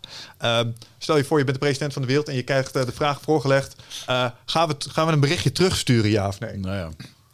Zou je dat doen, Wigert? Nou, daar heeft, eh, ehm, volgens mij heeft Darwin daar een heel mooi, een Hawking. mooie uitspraak. Hawking heeft daar een uitspraak over. Hè, dat als je iets vindt wat technologisch geavanceerder is dan jij, dan is het misschien niet handig om die wakker te maken. Hawking omdat- zei dat, ja. ja, dat is een soort natuurlijke, iets- natuurlijke hiërarchie dat iets wat intelligenter is of technologisch geavanceerder, dat gaat je waarschijnlijk opeten of eh, vernietigen. Of, eh, Ja, zegt meer over jezelf, hè, over je eigen zelfbeeld. Dan, eh, want dat is alleen maar invullen. Dan, dan denk je, Ja. wij mensen zitten zo in elkaar. Dan zullen die dat. Dus dat, ik denk dat. Ja. Ik denk natuurlijk ga je een boodschap terugsturen. Ja. Namelijk, als je het niet doet eh, en ze, zijn, en ze zou, zouden veel intelligenter zijn, komen ze op een andere manier wel achter je bestaan. Hè, dat, Ja. is, dat is niet zo ingewikkeld. Wij staan ook al op het punt om mogelijk buitenaards leven op te sporen. Dus eh, het heeft helemaal geen zin om daar. eh, we sturen trouwens al onbedoeld voortdurend Ja. radiogolven de ruimte in. Dus doe het dan maar een beetje met een boodschap. Ja, dat dat nee, houdt trouwens wel op een gegeven moment op, hè? altijd doen. Ja, dat houdt wel op. Ja. Maar wat ik wel fascinerend vind, dat is Joe Rogan, die had laatst nog een keer een, iets ge- een foto gepost van een soort vis die 500 meter diep in de zee, eh, Oh. want daar weten we ook allemaal niet wat daar leeft. Nee, nee, nee. En dat, dat hij ook zei van, stel nou dat er een astronaut terug zou komen met een selfie met dit beest, zo van dit hangt in de ruimte, dan zou het voorpagina nieuws zijn. Ja. Terwijl het leeft gewoon onder in de zee. Ja, we weten tuurlijk, het niet. tuurlijk, weet je. Tuurlijk, en, tuurlijk. en niemand, nobody gives a shit. Gaan verder met files en hypotheken en dat soort dingen. Ja. Ja, ja. Ja, dat is toch wel, ja. Ik denk als het pas echt eh, als in de, in de films voor ons staat en het heeft enge tanden en het gaat ons aanvallen, dan... eh, Ja, ik hoop een beetje op eh, de laatste science fiction film die ik daar was Valerian. Dat is, ja, daar, daar hebben we een groot ruimteschip om de aarde heen hangen. En daar komen dan de eerste aliens. En die blijken gewoon, die willen handelen. En dan komen er nog meer. En op een gegeven moment zit je in een soort intergalactisch eh, netwerk. Oh, Ah, ja. oeh, sorry. Gaat die nog goed? ik denk het wel. Ik hoop het. Sorry, mensen. Die fles water staat in de weg. Ja, ah, ook dat nog. Hij heeft het nog zo gezegd. Oh, sorry man. Nou ja, goed. Ehm, nee, eh, dus, dus jij zegt ja, wel degelijk eh, eh, een berichtje terug Ja, joh. naar, naar iets dergelijks. Ja, ja ik, ik neig ook ergens wel die kant op. Ehm, maar wat denk jij dat, als je nadenkt over buitenaardswezen, dan, ehm nou, je bent ongetwijfeld bekend met de Fermi-paradox. Volgens mij de vorige keer ook wel even kort over gehad. Denk het wel, ja. Ja, wat, wat, wat is jouw mogelijke oplossing voor de... wa- waarom denk jij dat we ze nog niet gevonden hebben? Nou, je moet in ieder geval concluderen dat uh, het feit dat wij nog steeds nooit, uh, nooit echt uh, overtuigende bewijs hebben gevonden voor het bestaan van buitenaardse intelligenties, betekent dat ze niet verschrikkelijk veel voorkomen. Het is niet zo dat elke planeet in ons zonnestelsel of elke planeet in het al wemelt van de aliens. Nee. Dus uh, de, uh, die Fermi-paradox, was die natuurkundige die zei van uh, waar, waar is iedereen, waar zijn ze? Wat eigenlijk een manier was om te zeggen hoe komt het dat we nog nooit bezoek hebben gehad als mm. het. Um, een andere manier om die te duiden is gewoon zeggen: blijkbaar is intelligent, wat wij dan zo beschrijven, hè, en technologisch ontwikkeld leven is blijkbaar betrekkelijk zeldzaam.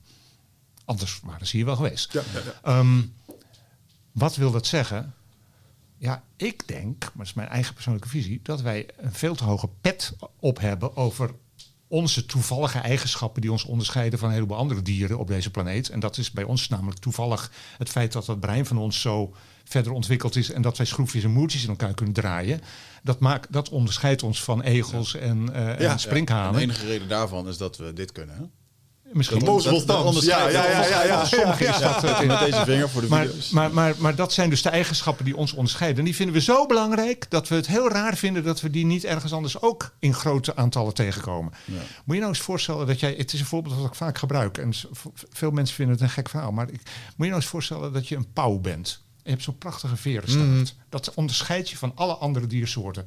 En dan ga je denken, heel raar dat we nog nergens in het heelal pauwen hebben ontdekt.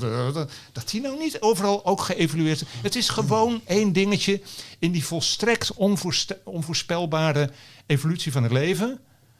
En natuurlijk, als het ergens anders ook met micro-organismen begint, gebeuren er ook allemaal onvoorspelbare dingen. Maar niet precies dezelfde dingen als hier.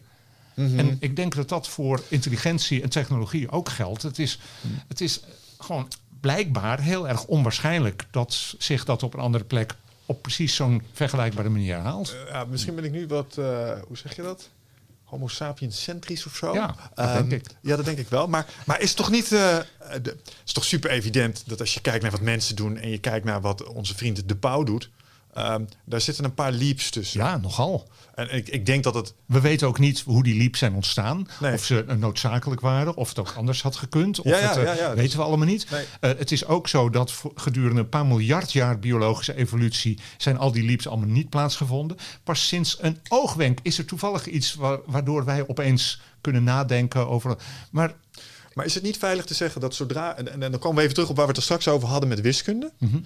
Ik denk dat als iets in staat is om wiskunde te ontdekken, dat Ja. er iets bijzonders aan de hand is. ik vind het ook wel bijzonder.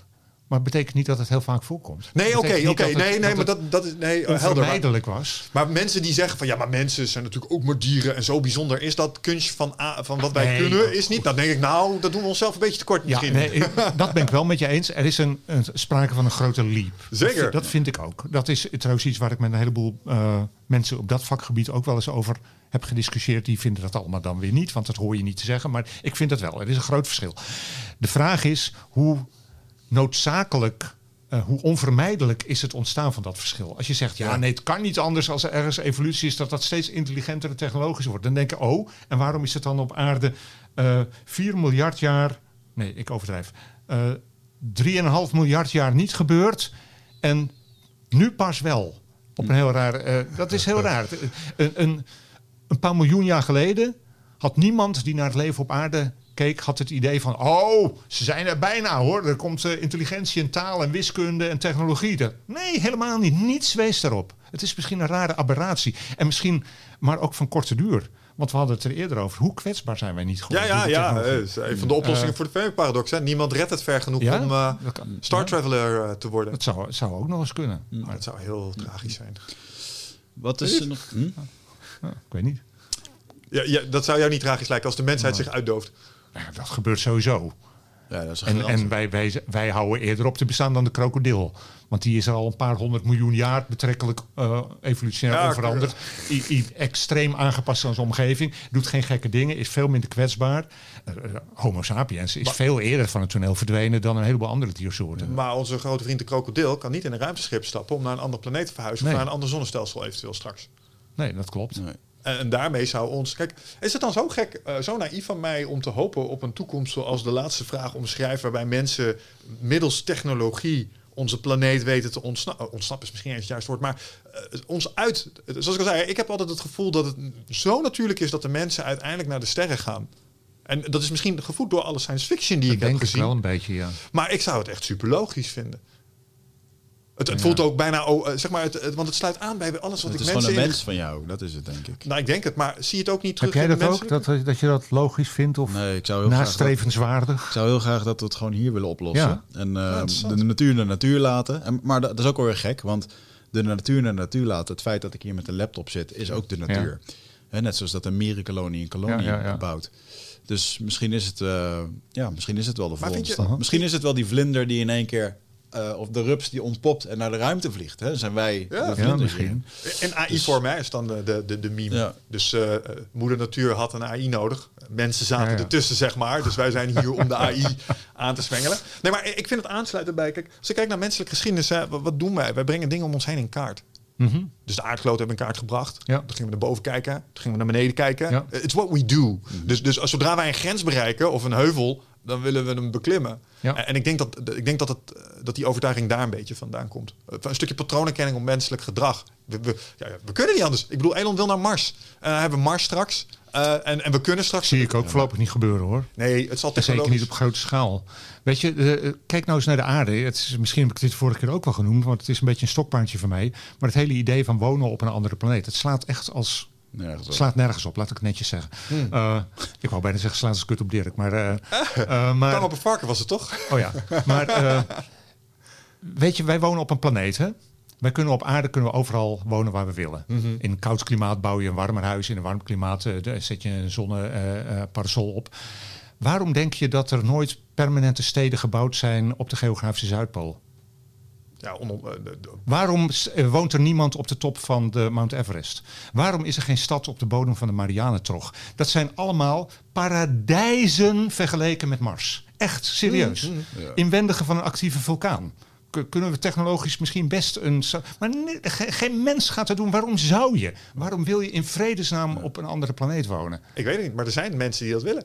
Ik zou zelf nooit naar Mars verhuizen, laten we dat Ja. voorop stellen. Ehm, want ik ben heel erg gehecht aan deze aardkloot en ruimtereizen reizen lijkt me heel ongemakkelijk. En ik moet ook niet in een tent eh, op die, in de Himalaya al te lang zitten, want dan wil ik ook graag naar huis. Dus ik, ik snap het ergens wel. Maar toch zijn er mensen, ja, die zetten de wagentjes nu al neer. En die, die zitten er echt over na te denken om daar iets te gaan doen. En het zal technologisch een uitdaging zijn. En misschien zien wij het in onze generatie niet gebeuren. Maar ik denk dat er wel een keer mensen naar Mars gaan. Ik maar denk net, dat maar net opkomen. zoals nu astronauten naar het ruimtestation gaan. Kijk, dat ruimtestation is gewoon afgesloten, geheel zelfvoorzienend. Als je er af en toe voorraden naartoe brengt, dat kun je ook integraal op Mars neerzetten. En dan kun je daar naartoe en dan kun je daar ook... Ja, kan best. Ja. Eh, maar het is geen pretje. Niemand gaat daar uiteindelijk... En, en, en Niemand op, zo'n planeet waar helemaal niks is, hè, wat gewoon... eh, zeggen van nou, nou gaan we daar de rest van de mensheid voortzetten. Het, Nou, ik weet niet of het je geen, eh, je hebt misschien idee hebt hoe, hoe extreem en Nee. bizar de kosmos is. En dan hebben we het alleen nog maar over die paar bolletjes. Kijk, eh, Pluto is al veel te ver. Daar kun je een menselijke reis voorlopig niet naartoe. Nee. En dan hebben mensen het over de sterren en het hele heelal. Ja. Met generaties schepen eh, de kosmos Warp koloniseren. drives, Jongens, warp drives. op. Er is recentelijk een warp bubble gemaakt, eh, begreep Ja. ik. Uiteindelijk is het ze gelukt. Maar nee, ik snap het. En ik snap dat de technologie echt heel wat voet in de aarde heeft. En dat daar een stukje naïviteit in zit, eh, is 100% waar. Toch blijft het fascinerend. Ja, het blijft wel ik, ik, kan het, ik kan het niet laten. Hey, ehm één ding nog eh, die ik even met je wil bespreken in dit laatste kader. Vond ik een hele mooie ehm, afsluiter van, van je boek. Ehm, namelijk, en dat, misschien is dat iets om nog eh, hier wel even, eh, gelet op waar we het net over hadden bij stil te staan. De toekomst is geen geschenk. Het is een prestatie. Ja, En wetenschap geeft nooit op. ja. Die, die over de toekomst is een quote van Kennedy, geloof ik. Hè? Eh, de toekomst is geen geschenk, maar het is een prestatie. En dat, dat is wel een mooie. Met andere woorden, je maakt hem zelf. Eh, en eh, daar moet je moeite voor doen. En dat is wel waar. En als het gaat over wetenschap geeft nooit op. Dat is denk ik eh, wat. Dan sluit een beetje aan bij die ideeën over die Maya en de Egyptenaren. Ja. Dan geef je het op. Als je zegt van hé, hey, we zien hier iets wat we niet snappen. Oh, het zullen wel aliens geweest zijn hier. En we kunnen zelf bedenken hoe die er dan uitzagen, wat ze hebben gedaan. Dan geef je het op. Dan zeg je, dat is net zoals zeggen van oh, God heeft alles geschapen in het heelal. Dan geef je het op. Dan, eh, en wetenschap geeft nooit op. Die zegt van we zien hier iets wat we niet snappen. Maar we zullen daarachter komen. En we geven niet op voordat we dat kunnen begrijpen. En voordat we daar. eh, Oké. En, en wat is wat jou betreft de relatie tussen die twee uitspraken? Poeh. Uh, nou, misschien, misschien voor mij is de relatie wel dat de houding nooit opgeven, uh, dat dat leidt tot de beste prestatie. Okay. En als de toekomst ja. een geen geschenk is, maar een prestatie, dan, dan bereik je die door door te gaan en door niet op te geven. Ah, zo ja. Ik, ik interpreteer hem als uh, wetenschap geeft nooit op. Met andere woorden, uh, door wetenschap zullen wij die toekomst, die prestatie van een toekomst neerzetten. Dus door uh, waarheidsbevinding, goed, logisch, zuiver nadenken, ja, ja. zullen we die toekomst daadwerkelijk voor onszelf weten waar te maken. Want wetenschap geeft ons in dat opzicht hè, de inzichten die we ja. nodig hebben om moeilijke problemen te navigeren. Dat, dat, dat weet ik niet. Of dat, of dat ook zo ik ben ook wel een techno-optimist. Ik geloof wel dat, uh, dat we dankzij onze uh, kennis en dankzij onze wetenschap en techniek... dat we uh, het leven voor alle mensen op aarde in principe aan het verbeteren zijn. Ja. En het gaat met ups en downs, het gaat heel traag en dat weet ik allemaal. Maar in grote lijnen zit er vooruitgang in. Maar of dat uiteindelijk ik kan nooit de oplossing voor alles uh, geven. Over wat ik eerder zei, over 800 miljoen jaar is de zon zo groot dat de oceanen verdampen. Ja, uh, hmm. uh, de, gaat de wetenschap geen oplossing voor bieden. Nee, en jij ziet ons. En als er morgen een komeet ontdekt wordt die op de aarde afstevend, hebben wij nu nog niet de mogelijkheden om daar iets aan te doen. En, ja, oké. Dus we zijn ook wel overgeleverd aan die grillige kosmos. En dat vind ik ook wel mooi. Hmm. Heeft ook wel iets poëtisch. Ja. Mag ik nog een hele dat, dat boggelt mijn mind een beetje. Toen wij andere Kuipers hier hadden, toen kregen we in de YouTube comments, waar je sowieso nooit moet kijken, uh, kregen we heel veel mensen die... Uh, ik had André gevraagd over, heb je, heb je wel eens training gehad over de interactie met aliens en zo? Mm -hmm. zei, nou ja, het is gewoon nooit bewezen dat het er is, dus het is ook niet nodig geweest. En dan waren er heel veel mensen, ja, maar André is een acteur. En toen, toen kwam oh. snel de, de, dat de wereld plat is. Dus wat, wat, wat is de de makkelijkste ontkrachting. Want ik kijk er wel eens van die filmpjes naar op YouTube. En dan zie ik van die filmpjes over met landkaarten en vliegtuigen met afstanden. En dan denk ik, ja, ja, ja, als je het zo uitlegt, dan klopt dit. Maar volgens mij klopt dit niet, weet je wel. Wat is de meest makkelijke ontkrachting dat de aarde niet, niet plat is? Wat zeg je tegen de mensen? Asking die, for a friend. Wat, wat, zeg je, wat zeg je tegen mensen die de aarde plat vinden voor deze theorie? Oh, ik ben opgehouden om uh, uitgebreid ja? met die mensen in discussie te Ja, dat hoeft ja. ook niet. Maar wat is dan? Wat zou het gewoon het simpelste zijn waarom dat niet klopt? Uh, GPS. Nou, natuurkunde. Ja. Ja, het kan gewoon helemaal niet. Ik bedoel, als je een beetje. Ja, nee, het is niet alleen, het is niet alleen zo van we kunnen meten en zien en uh, opmeten dat de aarde bol is, maar het kan ook niet anders. Uh, pure natuurkunde. Wat ik, ik zou het eerder om willen draaien. Uh, als mensen alsmaar zeggen, ja, nee, maar dit en maar zus en maar zo. En het zou toch. dan zeg ik van oké, als je op basis van jouw platte aarde model, want het is een bepaald model, als jij het voor elkaar krijgt om de volgende totale zonsverduistering tot op de seconde nauwkeurig te voorspellen. Wanneer en waar wij die kunnen zien. Dan ga ik het serieus. Het, het is gewoon een, het, volslagen imbeciel idee. Wat, wat helemaal geen, geen voorspellende waarde, invullende waarde heeft. Dus uh, nou krijg ik nu ook allemaal slechte comments. Oh ja, nou, ik nodig de mensen uit om hier op te reageren. Uh, ongetwijfeld, maar uh, laat ze maar komen, want ik zit in jouw hoek ja, in dat opzicht. Ja, ik ook, ik, ook. Nee, ik, ik, denk echt dat het, het, het, het simpele is, is gewoon natuurkunde. Een, een platte aarde zou onder zijn eigen gewicht meteen de bolvorm gaan aannemen, omdat materie graag zo dicht mogelijk bij elkaar wil. Ja. Als ik twee handen sneeuw buiten verzamelen. Ik wil die zo klein mogelijk maken. Krijg dan krijg je een bal. Ja. Dat is het kleinste wat je kan. En wat wil zwaartekracht? Ja. En ik geloof niet dat de platte aarde mensen zeggen dat zwaartekracht niet bestaat. Ik hoop het niet, maar zwaartekracht is er. Die wil dat alle materie zo dicht mogelijk bij elkaar gaat. Nou, wat gebeurt er dus met een pannenkoek? Dat wordt een bolletje. Ja.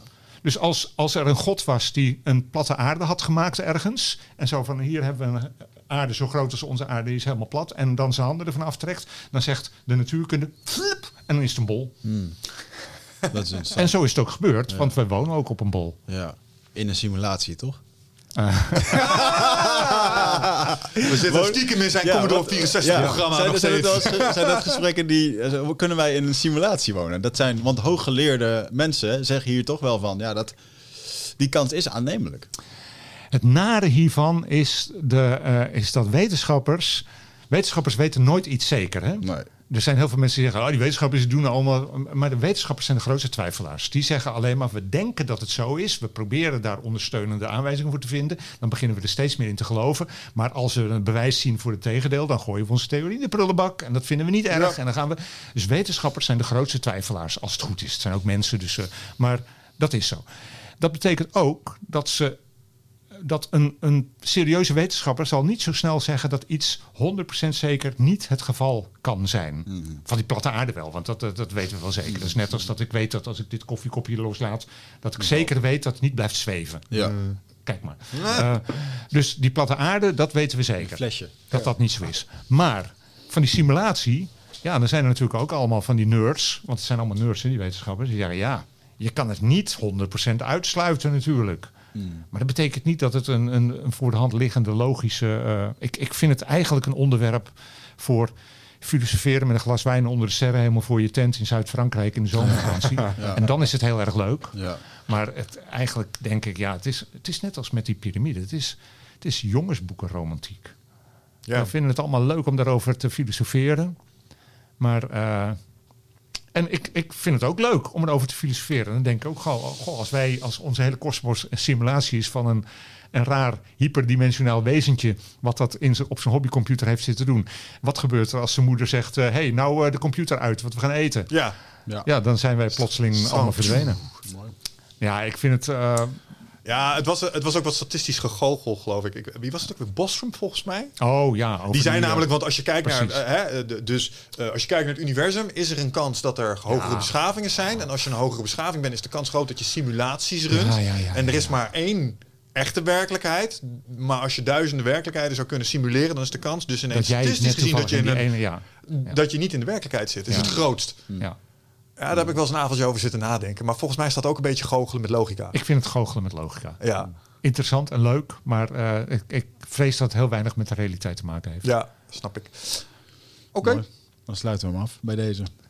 Nou, over. lekker. Veel over donkere materie gehad. Veel over donkere materie gehad, maar ook over allerlei andere interessante dingen die dat- toch de gedachten heel lekker boeiend. bezighouden. Dus eh, Maar nou laat ik het dan zo zeggen. eh, mensen die dit gesprek leuk vinden en die hiervan rode oortjes krijgen, die eh, gaan ook heel veel plezier beleven aan mijn boek. Dat denk ik wel. dat denk ik ook. Dat ja, is, eh, zeker. Want dat behandelt dan maar misschien een heleboel onderwerpen niet waar we het hier over hadden. Maar wel een van de grootste raadsels uit de sterrenkunde. En eh, Ja. En eh, wat mij betreft deed je zelf tekort toen je zei dat het in dat opzicht misschien te moeilijk was. Want ik vind het, ik zei het al over met de vergelijking van Bill Bryson, ik vind het benade, benaderbaar. Je hebt het heel toegankelijk gebracht in dat opzicht, terwijl dit de moeilijkste onderwerpen Ja. zijn momenteel in de moderne wetenschap. Dus dat vond ik zeer knap. Nou, mooi. Complimenten. Dankjewel. Dankjewel. Graag gedaan. Mensen, Tot- tot de volgende keer. Tot over drie jaar weer. ja, weet. Doei. Doei.